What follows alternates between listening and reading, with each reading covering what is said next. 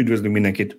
Ez itt a Villanyóra, a Villanyatosok heti podcastja, abból is a 218. epizódunk, és minden bemutatás előtt nem tudom megállni, mert annyira irigy vagyok. Tibor, én nem tudom, mit csináltál a múlt hétvégén, hogy milyen wellnessbe voltál, vagy milyen krémeket használsz, de egy 20-25 évet simán letagadhatsz. Nem, nem tudom, mit, mi a titkod? hát ezt, ezt nem szeretném itt megosztani ennyi emberrel. ez vagy tabletta, mert a hangja is változott. Na jó, oké. Okay. Aki audióval hallgat minket, az nem tudja, hogy nem Tibor van itt velünk, hanem Draskovics Andris. Andris, nagyon szépen köszöntünk itt a, a podcastunkban. Köszönjük, hogy eljöttél. Nagyon köszönöm a meghívást. És természetesen itt van Szűcs Gábor, az a Szöcske, és szia Gábor. Sziasztok, én maradtam idős. Én megborotválkoztam, Bíró Balázs vagyok, ennyit tudok tenni. A történet hajam már nem lesz, de meg tudok borotválkozni. Kicsit emberibb formám legyen. Oké, okay, szóval special guest star van, mint egy jobb hollywoodi sorozatban, és azért hívtuk meg Andrist, hogy egyrészt legyen egy kicsit más generációs nézőpont is az adásban, másrészt neki volt egy elég érdekes sztoria, használt villanyautót hozott be saját maga lábon Európából, Természetesen nagyon sok mindenről lesz az adásban, a szokásos heti hírek, de majd azért kicsit beszélgetünk erről az élményéről is, mert hát maradjunk annyi vagy bátrabb ember, mint én. Úgyhogy kíváncsi vagyok a tapasztalataira. Mondom is, hogy mi mindennel fogunk ma foglalkozni. Megemlékezünk a Nissan Leafről, amiről van egy nagyon-nagyon friss hírünk az adás előtt pár perccel esetben. Aztán a BYD kínai árcsökkentési hullámáról és frissítéseiről. Renault 5, Andisnak a i3 importja, aztán erőltetik ezt a villanyautos átállást, de úgy néz ki az EU mégiscsak nyerni fog, és nem mennek neki az autógyártók. Lacinak volt egy érdekes cikke, amiről mindenképpen megemlékezünk, Model X, Szöcskének most talán nem szerizbe volt épp az autója, de volt róla egy írása, és Apple Car, talán így keretes az adás, hogy egy, egy soha nem lét, soha nem, meg nem született autóval zárjuk akkor a műsort.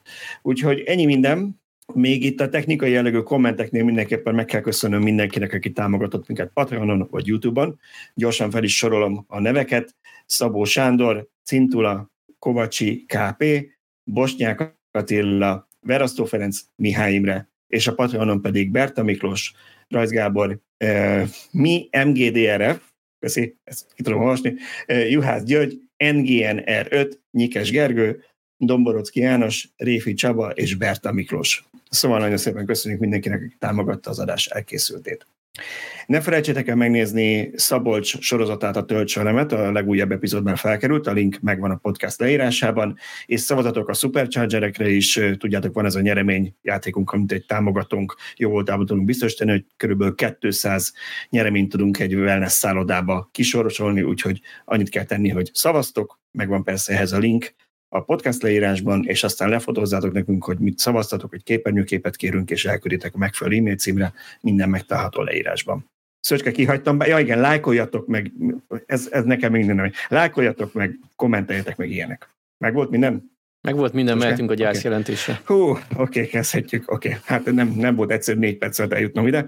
Szóval első témánk, ez annyira friss, hogy az adás előtt pár perccel uh, került be, szerintem a cikk még ebben a pillanatban nem is aktív, Ugye már tavaly megénekeltük mi is, hogy a Nissan Leaf-nek eh, beszüntetik a gyártását, 2010-ben kezdték, és talán az egyik legismertebb elektromos autó, sokáig vezette a globális listákat is, és az európai gyártást a héten meg is szüntetik. Ezt a angol gyárnak a kis falujában, vagy városában lévő helyi lap szellőztette meg, hogy a héten leállnak a gyártósorok, mert hogy elkezdődik a felkészülés az új modellekre.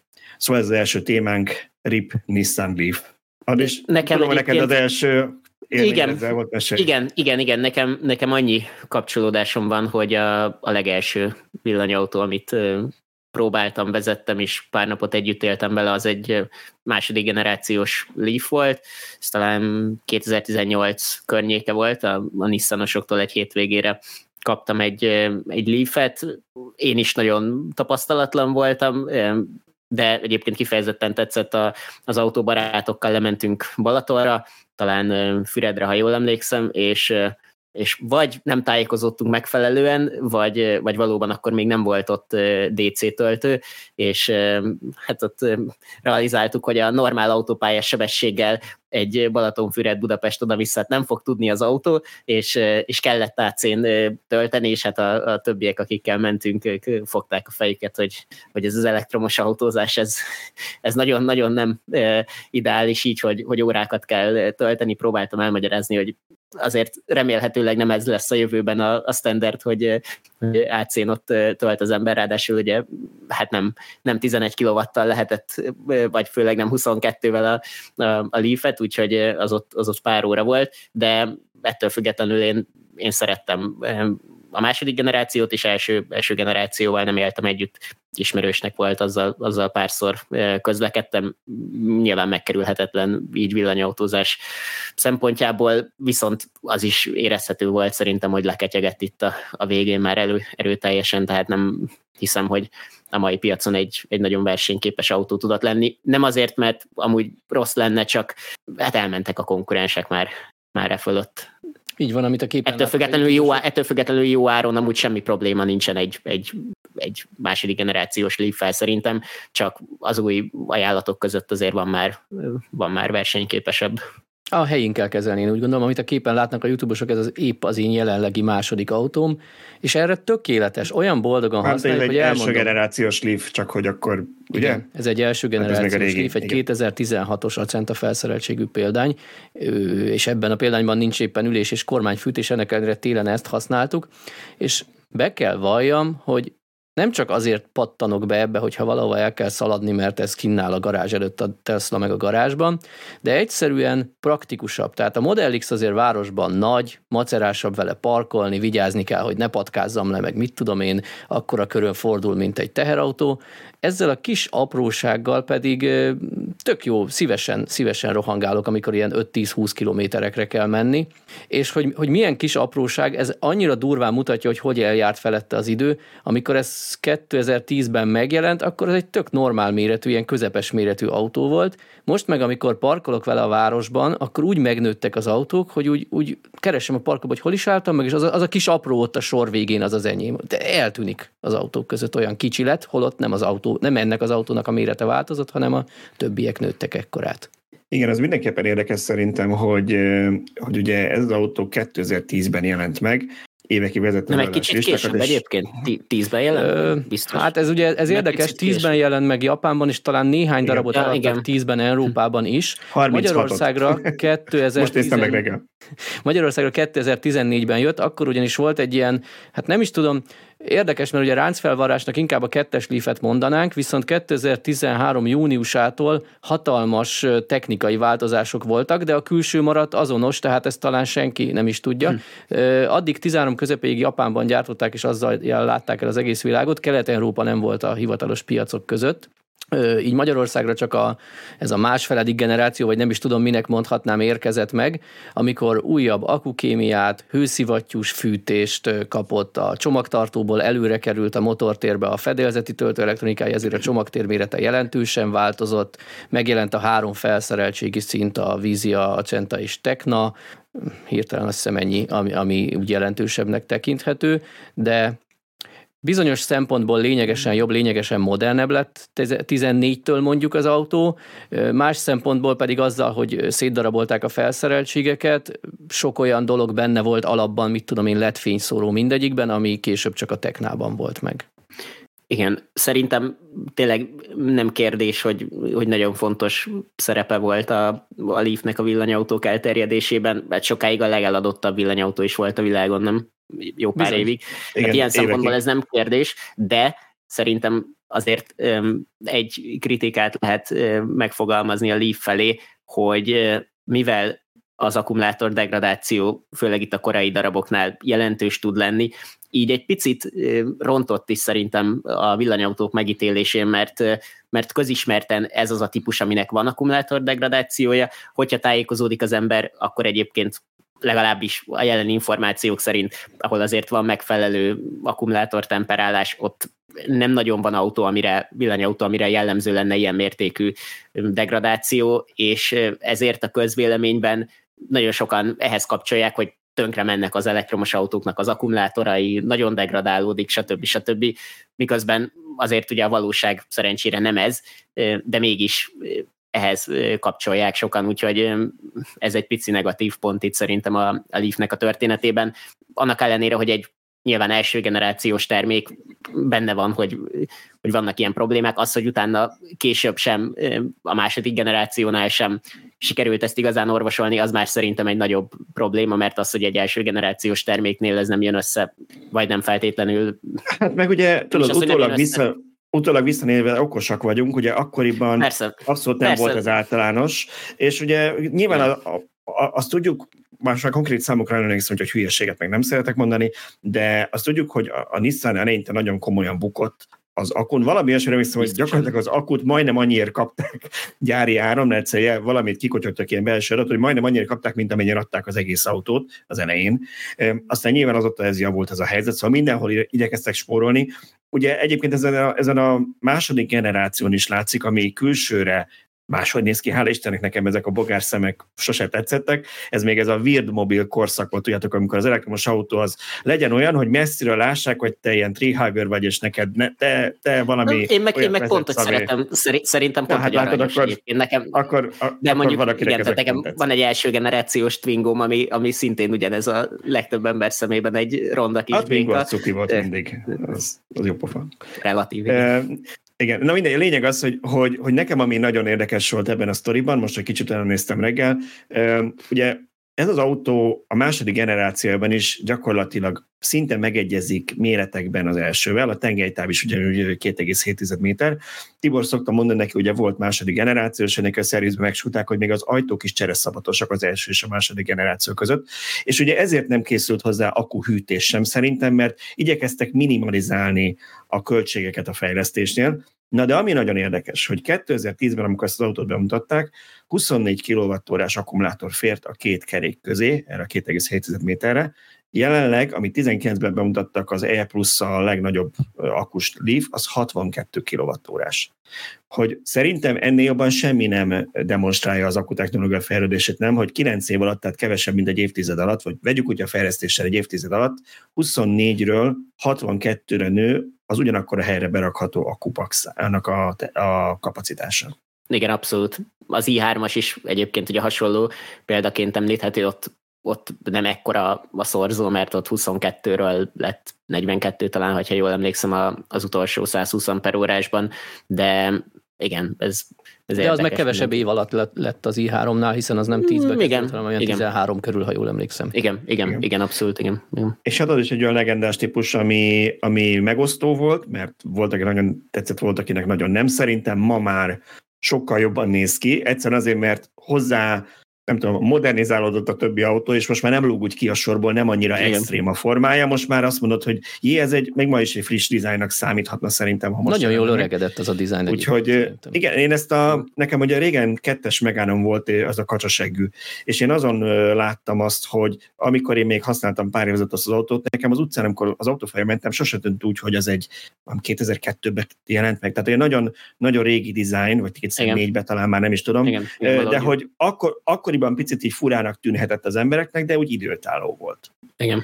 Jó, hát a Leafről ennyit. Még annyit hozzátennék, hogy most nagyon-nagyon akciózzák, ugye meg, leáll a gyártás a héten, de a raktárkészletek erejéig még Európába lehet rendelni, úgyhogy jelenleg azt láttam, hogy a magyar képviseleténél nagyon brutál akciók vannak, állami támogatáshoz ők még adnak plusz 4 millió engedményt, ha nem azzal veszed, akkor meg 3 millió kedvezmény és nulla THM, tehát ilyen 8,5 milliótól megvehető már a Leaf. Érdeke, érdemes érdeklődni a kereskedésekben, aki ilyet szeretne, annak még van rá lehetősége. Bocsánat, még ehhez kapcsolódóan, hogy ezzel befejeződik az utolsó sademos friss autó? Na, ez egy jó kérdés, mert én mindig azt mondtam, hogy a Leaf az utolsó sademos, de szerintem vagy Tibor, vagy Szöcske mindig helyre tette, hogy nem, mert talán a Lexusnak van még egy. A Le- Lexus UX300E-t még oh, forgalmazzák. Hát az a, az a sokkoló, igen, az a... hogy idén valami hatalmasat nőtt az akukapacitása, mert ott is volt egy facelift, tehát ilyen, nem is tudom, ilyen másfélszeresére nőtt a hatótávja, de a Sademo az még mindig megmaradt mondjuk marginális szerintem belőle Európában az értékesítés. Biztosan. Hát az nem egy, az nem egy eltalált autó semmilyen szempontból, szerintem. Jó, hát akkor beszéljünk eltaláltabb autókról, hogy újra feltalálom a magyar nyelvet, BYD. És rögtön elő, előre bocsátanám azt, hogy nehogy a clickbait, és a cikknek a címe is ezért indult, hogy Kínában Kínában megújult és olcsóbb lett a BYD egyik legnépszerűbb kisautója a Dolphin, ami azért érdekes, hogy az Európában nemrég jelent meg, nem, nemrég kezdték nálunk is forgalmazni, gyakorlatilag 11 millió forinttól megvehető nálunk, és Kínában pedig már ugye eszelős tempóval frissítget, még fejlesztik a típusokat, már megjelent a frissítés belőle, és ami igen érdekes, hogy nem csak az, hogy frissítették, hanem ott olcsóbb is lett, hát most senkit nem szeretnék nagyon idegelni azzal, hogy azt hiszem 5 millió forintba kerül Kínában az autó, ami nálunk 11 millióban, ami még ha azt hozzáveszünk, hogy ráteszünk, mit tudom én, 1000-2000 eurót a szállítási költségre, meg az áfát, meg a vámot, akkor is brutál nagy a különbség a 11 millióhoz. Nyilván a BYD is pénzt keresni jött Európába. De hogy az a kérdés, hogy ezek szerint akkor a BYD nél még van lejjebb árakban, és van feljebb műszaki tartalomban, vagy felszereltségben. Úgyhogy aki azt gondolta, hogy hát akkor most beléptek ezek az árak Európába, aztán majd mindenki valamit kezd vele, az valószínűleg nagyot tévedett, mert szerintem, ha úgy látják, akkor itt is tudnak engedni, nem? Bízunk benne. Jó, jó ez a Dolphin 11 millióért? Nem, nem tudom, te... Én nem, én nem, nem próbáltam, az az igazság. Ne, én, nem, én nem próbáltam, pont tegnap jött szembe a Budakeszi úton este a sötétben, és megállapítottam, hogy jelentős az elején a, a világítás, mint ahogy most szinte az összes modern autónál, én ezeket egyébként annyira nem kedvelem, tehát nem, nem tudom, hogy a hűtőmaszkot és egyéb dolgokat miért kötelező most megvilágítani, de ez nyilván teljesen részletkérdés. Nekem tetszik, hogy egy, egy észszerű méretű autó a, a szíl után nekem a legszimpatikusabb jelenleg itt, ami, ami legalábbis itt elérhető a BYD kínálatában, de mondom, nincsen személyes tapasztalatom, mm, remélhetőleg, ha lesz lehetőségem kipróbálni, akkor, akkor pozitív irányba fog ez, ez elmozdulni a fejemben, mert amúgy nekem, nekem szimpatikus, amiket olvastam, nem egy csoda, nektek nem tudom, hogy van-e közvetlen tapasztalatotok, volt-e nálatok tesztautó, nem Az Atto 3 az volt, én úgy tudom, hogy ah, igen, igen, azt láttam. De igazából technikailag nagyjából szerintem ugyanazt várhatjuk tőle, egy kicsit kisebb, egy kicsit olcsóbb, tehát Igen. ilyen szempontból van inkább különbség. Igen, én, én szerintem, tehát igen, nálam sem volt, meg élőben még nem láttam. Nekem a képeken mindig is tetszett, mert szerintem erre a méretű autóra nagyon nagy szükség van Európában, igen, és, és, és nem egy ilyen gagyi, bumfordi, tényleg tök jól átállták a formát. Nyilván lehetne párhuzamokat mondani, hogy mit honnan másoltak le, de jól másolták le, meg jól rakták össze. Nekem tetszenek ezek a kis a Peugeot-ra emlékeztető törések az oldalán, ugye ezek a ilyen design elemek, hogy kicsit meg van nyomva a, fém, a fém, és akkor máshogy néz ki. Szerintem jól néz ki, meg, meg igazából nyilván ilyen belépő autónak teljesen jó. A, én, én kicsit csalódtam, amikor megjelent a BYD, én azt hittem, hogy ennél jobb árakkal fognak megjelenni Európában. Egyébként én is. Szerintem tesztelik a vizeket, mert megnézték, hogy a versenytársak hol vannak, bementek alá, de nem akartak lemenni kutyába. De én ezért mondom azt, hogy a kínai példából ítélve, hogy brutál verseny van, ha akarnak, tudnak lejjebb menni, és szerintem azt fogják megnézni, mennyire fogy. Ha ilyen áron is úgy viszik, mint a cukrot, akkor a hülyék lennének lejjebb menni nyilván. Töltési teljesítményen egyébként reszeltek valamit a frissítéssel, vagy ez nem derült ki a kínai frissítésből? Amit én, amit én a, a kínai cikkben, nem, nem mint hogyha a mandarin, jó lenne, de egy angol nyelvű kínai oldalon olvastam, az igazából ilyen, ilyen felszereltségi változásokról szólt, műszaki tartalmat szerintem nem érintette, talán picit kozmetikát. Nekem úgy tűnt, hogy a, az első lökhárítónak az alját picit átrajzolták, tehát ilyen minimál. Ettől nem gyors. Igazából az, hát az nem. Igen. Igen, azt nem tudom, ugye, ugye az nekem az a furcsa, hogy a BYD-nál még nem volt nálunk az új kisakus Model Y, ami BYD aksival készül, de ugye arról jönnek a tesztjében, mindenki jönnének a tesztjében már láttuk, hogy 19 perc alatt lehet feltölteni 10-ről 80-ra, ami elég szép teljesítmény egy ilyen NFP akus autótól, meg úgy egyébként is, és ehhez képest a BYD saját autóiban, amiben ugyanez az NFP Blade akkumulátor van, rendre jóval kevesebb töltési látok, igen, és én nem tudom elképzelni, hogy a Tesla szétgyilkolná az akkumulátort, mert hát garis 8 évig, tehát nem érdekük, hogy kinyírják az akkumulátort, és ezért, tehát most vagy az mondja, a BYD-nek is különböző specifikációi vannak a saját akkumulátorával kapcsolatban, és az árkedvéért az olcsóbb mixet rakja be a sajátjába, vagy az lehet, hogy a hűtési megoldás nem annyira fejlett, de nekem ez mindenképpen egy fura. Tudod, dolog, tudod mi lehet, hogy ugye Kína, stb. belegondoltam, hogy annak idején a KGST idején voltak ilyen rossz nyelvek szerinti infók, hogy exportra, nyugati exportra mindig kiválogatták a legjobb darabokat, és oda az ment. Itt lehet, hogy a Teslának a legjobb cellákat adja oda a BYD, saját maguknak meg jó lesz, a futottak még. Nem, ez lehet. vicc volt természetesen, nem kell szerintem itt aggódni senkinek, hogy serejtcellák kerülnének bele. Ja, biztos nem serejt. Igen, nem, nem, nem tudom. Andris, van erről valami elméleted? Elméletem nincs, de, de nekem pont ezért egyelőre nem áll össze a, a BYD hype, amiket, amiket eddig láttunk. Teljesen értem, hogy ha onnan nézzük, hogy most ezt tudják ilyen áron, akkor öt év múlva, tíz év múlva mit tudhatnak. Tehát, hogyha ezt a képet nézzük, akkor értem a hype-ot, de ezek a jelen termékek jó áron vannak, amiket olvastam, tisztességes elektromos autók, tehát semmi probléma nincsen belük, de azért nem váltják meg a világot. És pont a töltés Igen, az hát egy vagy... paraméter, ami, ami szerintem őszintén az egyik legfontosabb szempont egy elektromos autónál. Tehát az én szememben sokkal fontosabb szempont sokszor, mint az akkumulátor mérete. Mellé még, hogyha a hatékonyság nyilván az, az egy nagyon fontos dolog, de abban nem hiszem, hogy azért nagy problémájuk lenne, bár, bár nem Azért tudom, nem is kiemelkedők nagyon... abban sem, tehát Igen. igazából uh-huh. a, a közepes szintet hozzák, a közepes alatti, kicsivel alatti áron talán.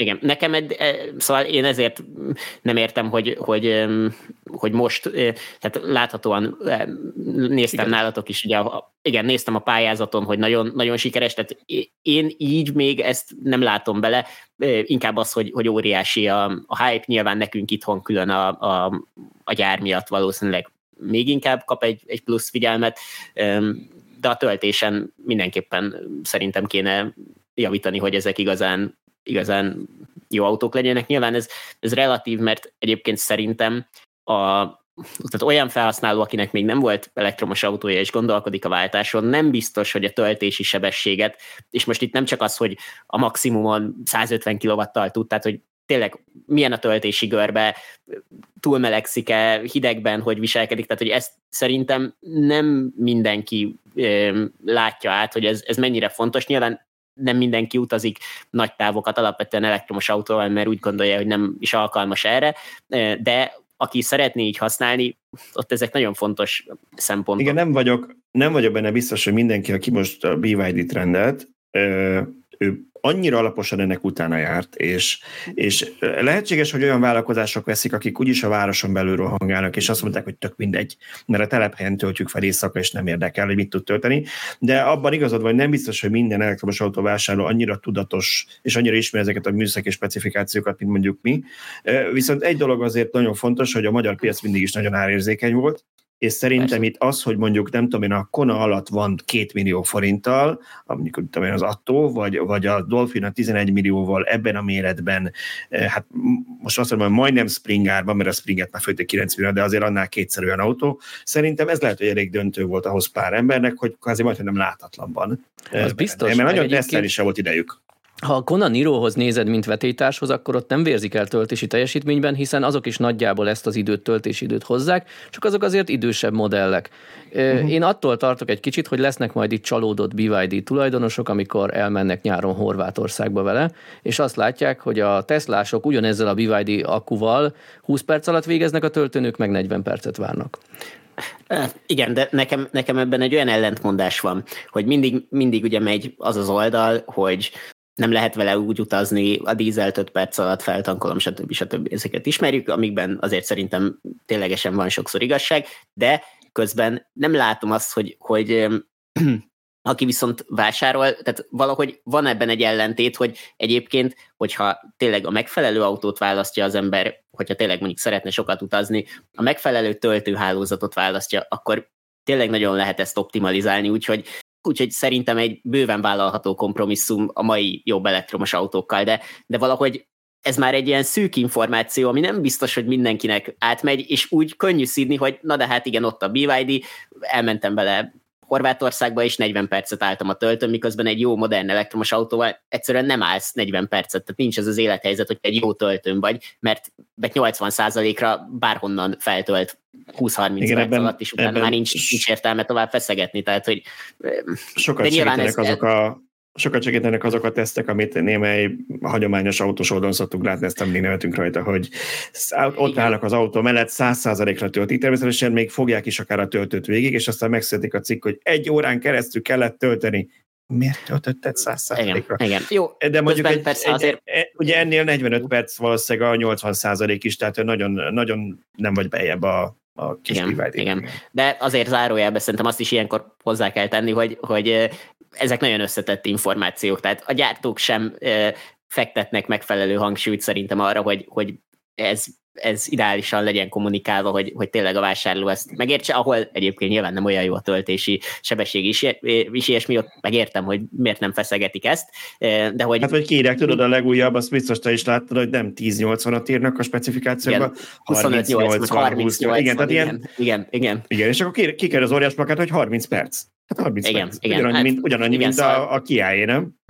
Igen, igen. Sokkal tudatosabban kell elektromos autót vásárolni. Egyébként alapvetően is szerintem mindenkinek sokkal tudatosabban, vagy a, vagy a legtöbbeknek sokkal tudatosabban kéne egyébként is autót választani, de, de itt most plug-in hibrid, elektromos autó, tehát hogy ennyire, ennyire tudatosan soha nem volt szerintem, vagy ennyire tudatosan soha nem kellett figyelni erre, hogy, hogy azt válassza ki az ember, ami az életéhez tényleg működik. De hát ebben segítünk mi. Igen, hát igyekszünk. Abszolút. Térjünk át akkor egy olyan autóra, ami azt mondom, hogy valószínűleg kevésbé, kevésbé megosztó és kevésbé van róla bárkinek is negatív véleménye, mert én azt mondanám, hogy akinek nem tetszik az új Renault 5, az keresse fel orvosát, gyógyszerészét. Biztos ízlések és pofolog, de szerintem ez valami szenzációsan jó dizájnra sikerült, és láttam egy interjút a a, a fő, főtervezőjével, már egy fő designerével, akkor inkább így mondom, hogy egyetemen a formáról beszélünk, egy francia hölgyel, aki elmondta, hogy nagyon akartak arra figyelni, hogy a legendás Renault 5 áthozzanak dolgokat, de ne egy ilyen műmájer retro dolog legyen, hogy most nagyon trendű, hogy retro csinálunk, hanem legyen igenis egy 21. századi modern autó, de azért formájában, arányaiban emlékeztessen a régire, és szerintem ez abszolút bejött, nem? Szerintem is nagyon jól sikerült. Ugye az én ifjú koromban még abszolút az utcakép része volt a klasszik Renault 5 hát nem, a, nem 1972-es első példány, de hát ugye Magyarországra azért rendszerváltás után még hoztak be idősebb használt autókat Nyugat-Európából, és akkor szerintem rengeteg ilyen bejött. Volt belőle a turbó változat, ami a tipikus hülye gyerekautó volt akkoriban, amikor én fiatal voltam, de bennem megrángatott valami ilyen, nem tudom, ilyen érzelmi szállat is ez az autó. Én úgy gondolom, hogy nagyon jól sikerült olyan dolgokat áthozni, olyan stíluselemeket, például ez a motorháztetőre helyezett töltésjelző, ami gyakorlatilag itt csak egy stíluselem, a régi verzión pedig ott egy légbeömlő volt. Nekem nagyon-nagyon tetszik. Nekem is. is. Én féltem, hogy, hogy a koncepcióhoz képest mennyit fognak tudni megtartani, de, de nagyon jó lett a forma szerintem is. Egy dolog nem tetszik, de ez szinte minden modern autóra igaz, nagyon picik az üvegfelületek így ránézésre. Tehát keskeny, keskeny ablakok, és az, az ötös eredetileg azért nem ilyen volt, ez tényleg egy modern autós Jó, hát trend. figyelj, ez, e, e, ugye biztos van ebben valami design trend is, de ugye mindig arról szoktunk beszélni, Igen. hogy azért hála Istennek 1972 óta kicsit változtak a biztonsági előírások. Ugye ezért van ez a magas övvonal, ezért vannak ezek a vastag oszlopok, amik néha útban vannak, és nem látszólag jó. A hátsó ablak a legtöbb autón ilyen jelzősért, jelzésértékű. Tehát amikor az új Polestar kijött, nem volt hátsó szélvédő, azt mondtam, hogy végül is rohadtul felesleges a legtöbb autón, úgyhogy úgyse látsz semmit. De értem, amit mondasz, viszont nekem tetszik az, hogy picit a, Nekem például a golfban mindig tetszett ez a, ez a tipikus ilyen európai hatchback forma, hogy, hogy ilyen kis, kis izomgombóc, olyan, mint egy ilyen kis, kis, kis, kiskutya, amelyik, amelyik ilyen nagyon ilyen kis rohangálós, hogy, hogy azt látod rajta, hogy, hogy, hogy úgy erőtől duzzad, és nagyon jó formát találtak, és belül is, és felraktunk egy képet, a youtube-osok látják a belső tervről, tehát megtartották ezt, nem szálltak el az űr irányába, hogy valami nem tudom milyen szifit rajzoltak, de szerintem nagyon nagyon ízlésesen sikerült, és vannak színek, kívül belül vannak színek, emberek, tehát hogy van ez a sárga, van egy nagyon durva zöld, akinek ez túl meredek van, persze kicsit konzervatívabb, de nem csak szürke, meg fekete, meg fehér van az autóból. Igen, a színek azok, azok nekem is nagyon bejönnek, azért zárójelben csak még fél mondat erejéig a, a kis üvegfelületek meg biztonság például az i3-as nem sokat gyára szeretném felhozni, de ott nyilván az egy egyébként magasabb autó, tehát az egy pici csalás benne, de azon olyan jó üvegfelületek vannak, ami, ami régen sem volt egyértelmű, tehát szerintem azért ezen is lehet reszelni, itt nyilván más volt a, a prioritás, a, a belső egy picit ettől függetlenül, vagy emellett tényleg szűk, szóval amiket néztem videókat, ilyen 185 cm magas prezentere. Igen, kis autó, kis beült, autó, magad mögé nem ülsz be, hogyha 180 De az, az, hát az nem is, nyilván az, az nem is elvárás, de hogy még úgy elől sem tűnt olyan, olyan nagynak, de uh-huh. inkább legyen egy észszerű méret, tehát az, hogy négy méter alatt egy normális akkumulátorcsomaggal egy, egy használható elektromos autó, én ennek már ilyen szempontból örülök, mert nem sok ilyen volt most. Egy, egy kicsi, ami, ami Igen, szerintem negatívum, hogy mondjak egy pici negatívumot, hogy sugal egy kis sportosságot számomra ez az autó, de lehet, hogy csak a szép emlékek, mert azért a 8 másodperc körüli százra gyorsás azért nem annyira extrém. Abszolút. Viszont nem hátul hajt. Tehát egy kicsit, Igen, kicsit fura én ez. is ezt akartam felhozni, Igen. hogy ez, ez kár. Igen, elméletileg nagyon egyébként... ezek a tesztekben, hogy mennyire fog zavarni. Én mindig elmondom, hogy a családi Niro-t én tökre szeretem, szerintem tök szeretem tök jó autó, de engem mindig zavar, hogy lehet, hogy a Teslahoz szokott lábam, hogyha picit is gázra lépek, mondjuk csak annyi, hogy besorolni valahova, tehát nem őrültködni, mindig kipörögnek az első kerekek, sőt, mi a kormányt is kvázi kicsit megrántja. Annyira könnyű az autó orra, és ugye ott van a, ott van a nyomaték, hogy, hogy hogy ez probléma lehet, igen. Ezt meg tudom erősíteni, de ugye az e-Niro, a nem, a, nem az aktuális, hanem a tavalyig forgalmazott, az uh-huh. valami 201 néhány lóerő volt, és a, az aktuálist azt egy picit visszagyengítették, talán nyomatékban, meg talán teljesítményben is egy picit csökkent. Ez a Renault 5 pedig csak 147 lóerő lesz, most a nyomaték az pont nincs előttem, nem is tudom, közölték-e az első cikkben, de talán nem lesz ilyen, mert én, én ugye teszteltem az új Nírót, és a sajátommal pont ugyanez volt a bajom, amit Balázs mond, hogy úgy nem tudja átvinni az erejét, nem tud vele mit kezdeni, hiába van rajta minőségi gumi, jó minőségű száraz aszfalt, akkor is egyszerűen gázt adok, és úgy, úgy nem megy át az aszfaltra. És az új Niro ez ebben jobb, ebben a, nem tudom, valahogy jobban tudták hangolni. De egy picit azért beszéljünk ennek az autónak pár tulajdonságáról még, és én is egy némi csalódottságomnak fogok hangot adni. Tök jó, kezdem a pozitívummal, például, hogy belerakják a V2-elt, tehát, hogy valószínűleg ez csak a, a legerősebb vagy a drágábbakból nem tudom, mindegyikben alap lesz, inkább így mondom, hogy ezt meglátjuk, hogy mi lesz pontosan mondjuk a kelet-európai felszereltség, de az, hogy a V2L így benne lesz, az nem biztos, hogy az ember sokat használja, de ott van egy kis extraként, hogyha egyszer kempingezéshez kell, vagy valakinek segíteni kell, vagy mindegy, ott van. Nem baj, hogyha ez a legtöbb autóban alapból benne lesz, szerintem nem kell olyan sokba a gyártóknak, hogy kihagyják. Viszont, amit Andris előbb említett a BYD kapcsán a töltési teljesítmény, nem rossz, senki ne értse félre, van egy 40-es, meg 50-es körüli két akkumulátorral fogják forgalmazni, és a kisebbet 80, a nagyobbat 100 kw lehet tölteni. Oké, okay, Nekem csak az a gondom, hogy ez 2025-re tervezik, hogy megjelenik az autó. Ezek a paraméterek mondjuk a, a Stellantisnak, a, amikor megjelent a 208, meg ezeknek az elektromos verziója, nagyon jó értéknek számítottak ilyen ekkorakhoz, ekkora autókhoz. Négy évvel ezelőtt. Ez 25-ben fog megjelenni, és mondjuk biztos, hogy gyártani akarják a ráncfelvarrásig mondjuk 29-30-ig. Nem azt mondom, hogy nem lesz versenyképes, de az ember azt gondolná, hogy azért picit előbbre tesszük a mércét, amikor, amikor ennyire jövőbe gyártandó autót tervezünk, nem? Igen, szerintem is, és megint, tehát a töltés a hosszú távú használhatóságban, tehát hogy hosszú úton is használható legyen, az egyik legfontosabb paraméter, és hiába csak 40-es, 50-es az aksi, hogyha jól lehet tölteni, akkor nekem személyesen az a tapasztalatom, hogy nincsen azzal a probléma, hogy, hogy meg kell állni, mert egyébként nyilván 20 kWh fogyasztással vagy, vagy mondjuk autópályán a fölött nem lesz hatalmas a hatótáv, de hogyha utána gyorsan lehet tölteni, akkor ez nem egy drámai e, probléma.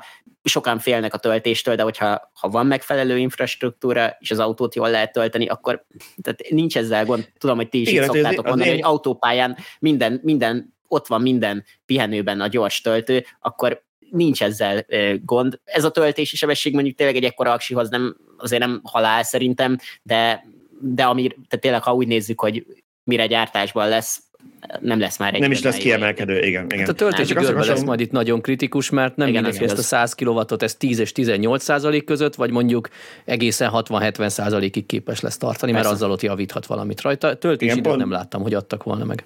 nem mondták, pont ezt akartam is mondani, hogy nagyon számít nyilván nem a csúcsérték, hanem az, hogy mennyi, mennyi leig tudja startolni, meg mennyi lesz a töltési idő.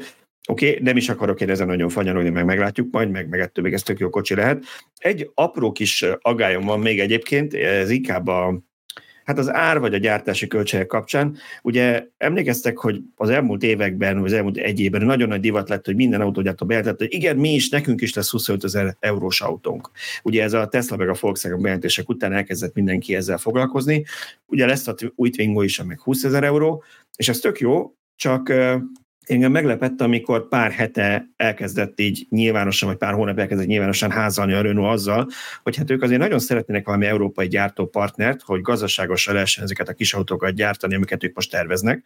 Ami nekem azért volt fura, mert én azt hittem, hogy amikor ők bejelentették a 25 ezer eurós autót, 25 ezer eurós autót, akkor nekik megvolt rá a tervük, hogy oké, okay, ha elérjük az évi százeres darabszámot, akkor ezen keresünk darabjára, mit tudom én, 3-4 ezer eurót, ehhez képest úgy tűnik, hogy bejelentették az árat, hogy ne maradjanak le senkitől, de nincs még meg mögötte az, hogy hogy fogjuk ezt annyiért gyártani, hogy ez megérje nekünk, ha most keresünk partnert ahhoz, hogy ezeket ennyiért lehessen adni. Ez nem, nem értem. Igen, tehát az, az ígéretekből az előző években ben sok volt. És, Mert ugye az a baj ezzel, bocs, csak az a baj ezzel, hogy, hogy, hogy értsétek, hogy mire gondolok, hogy tehát nem a, a cégeknek az anyagi helyzetét féltem, hanem mindig attól félek, amikor, amikor ilyen helyzet van, hogy nem fognak bele eleget gyártani, annyit, amennyi kell, mert hogyha veszteség van rajta, vagy nem keresnek rajta, akkor lesz belőle, mint tudom én, egy, meghúzzák mondjuk 50 ezer darabnál az éves volument, azért, hogy ne legyen túl nagy a veszteség, meglegyen a CO2 kvóta, meg, meg el lehessen mondani, hogy, hogy a kategóriáján belül vezet, és akkor kitálnak valami kategóriát, amin belül vezeti az eladásokat, de hogy ebből százezereket kéne gyártani, azt meg akkor fogja gyártani, hogyha jó sokat keres rajta. Igen, szintén erre utal, hogy nem készültek fel előre partnerekből, hogy mondjuk a kisakus lesz ugye 40 meg 52-es kapacitással, a kisakus az vajon miért nem LFP ebben az autóban? Ez egy jó kérdés. Igen. Igen, és hát a Renault vezetője a napokban beszélt arról, hogy hát tényleg meg kéne fontolni, hogy LFP akkumulátor legyen a kisakos autókban. Mi? Ez Igen. jó reggel. Tehát a, a, a, abban a fizikai helyen, ahol 52 elfér NCM kémiával, ott elférne 40 LFP-vel. És ugye azt százra tudod tölteni, adni. tehát a kisakunak sincs akkora hátránya, mert azt százra töltöd, nem 80-ra. Milyen szempontból? Nem. Igen. Oké, okay, én azt mondanám, hogy most váltsunk irányt, pontosabban olyan szempontból szerintem kapcsolódik, hogy megfizethető elektromos autókról beszéltünk, és Andris te egy megfizethető használt elektromos autót vettél, és innen is indult ez az apropó, hogy meghívtunk téged, mert nekem nagyon tetszett erről a videósorozatod, de a legelső kérdés az volt a fejemben, hogy én azért téged úgy hagyományosabb autós újságírónak vagy videósnak gondolok, mint minket, mert mi minden a Tiborral hárman legalábbis szöcskével ilyen kockák vagyunk, és mi is szeretünk gyorsulni, meg, meg tök jó, hogy autó jól fekszik a kanyarban, de szerintem Szöcske nem csak a maga nevű beszél, hogy nem hoz engem lázba, hogy dübörög a V8-as. Tehát, hogy ez egy használati tárgy, a, a dübörgés az nekem inkább egy melléktermék. Viszont te nagyon tudsz örülni ennek is, amikor egy autó úgy igazán belső égésű, hogy így mondjam, a videóidból látszik, hogy lelkesen szereted ezeket, és mégis egy villanyautót vettél magadnak, ráadásul egy nem is túlzottan nagy akkumulátorosat, ráadásul, ha jól tudom, nem is tudod otthon tölteni, de egyébként, de szerencsére, de majd akkor erről is.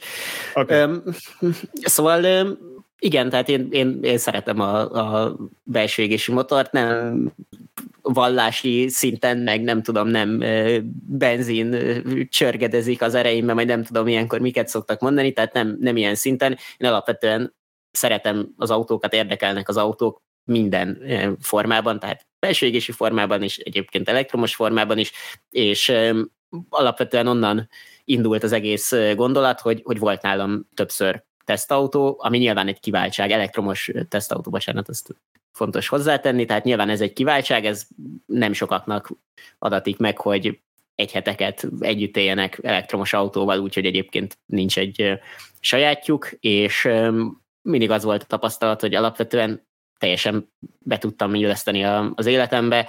Volt egy időszak, amikor egyébként nem tudtam tényleg otthon tölteni, akkor a, akkor a tesztautókkal is egy kicsit kellemetlenebb volt, bár itt 200 méterre van pont tőlem egy, egy Mobility, úgyhogy egy, egy AC töltő, úgyhogy igazából az sem volt akkor a dráma, de aztán, aztán az itthon töltés is megoldódott, és alapvetően szerettem volna egy, egy modernebb autót, tehát nekem mindig ilyen jobb esetben 25-30, rosszabb esetben 40-45 éves járműveim voltak, vannak. Egyébként nyilván ezek alapvetően hobbi autók, tehát nem ezek a, a napi használós autók, de, de sokszor egyébként járkáltam ilyenekkel is, és aztán úgy jött a, a, az élethelyzet most, hogy, hogy többet kell autóznom, és szerettem volna egy, egy modernebb, kényelmesebb, biztonságosabb autót.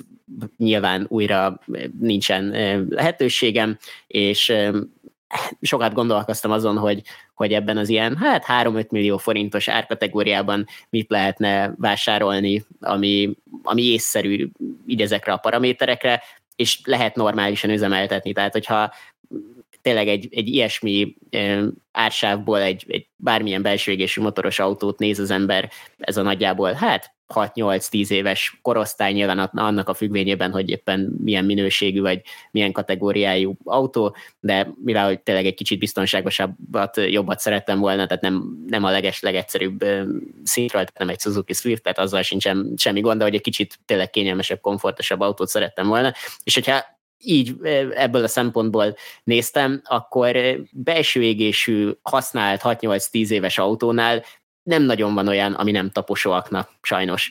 Tehát most tényleg egy dolog a környezeti terhelés, az üzemeltetési költségek, és, és tényleg ez, ez egy mix, hogy mi alapján választ az ember, de, de nekem a szívás része az, ami nem, nem hiányzott semmilyen szempontból, és mellé láttam azt, hogy amúgy tök jól működik az elektromos autó az életemben, tehát hogy a közlekedésem 95-8 százalékában nem igazán kompromisszum, legalábbis mondjuk ezek az újabb tesztautók voltak a nagyobb akkumulátorral, tehát azt hozzá kell tenni, hogy általában most már nem 28-30 kWh-órás akkumulátorcsomaggal vannak autók, de erre volt keret egy, egy ilyesmi kategóriájú autóra, és, és gondoltam, hogy akkor belevágok. Mi, tehát... volt, mi volt még versenyben hagyományos vagy elektromos hajtással is? Vagy egyből tudtad, hogy ez lesz?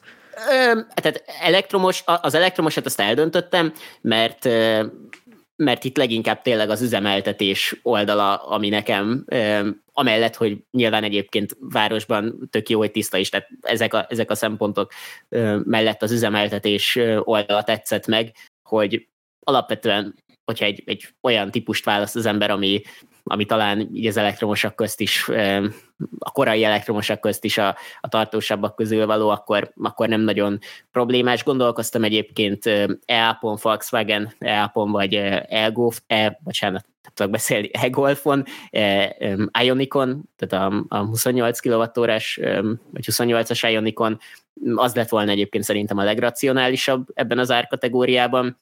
Tehát a, mondjuk úgy, hogy nem a, a leges, legalapabb belépő szintet gondoltam, ami tényleg egy korai Leaf, egy nem tudom, Mitsubishi, IMF is hasonló, tehát azért a fölött egyel, de nem is a, hát nem tudom, Eniro, meg, meg tényleg az ilyen Kona, tehát ami, ami már egy ilyen középső szint talán. Mhm. Vagy, tehát, tehát a Niro, vagy, Niro meg a Kona az még nem igen, nagyon fért bele, hogy tudom, nem, az nem, az árban, akármilyen az nem, szempontból. Igen, igen, igen. igen a, a egyébként kizártad, vagy, a, vagy a, tényleg a legalját, abban Igen. egy racionális változás, és kicsit úgy érzem, hogy azért emocionális is, tehát az Ioniq 28-hoz képest ez egy látványos autó.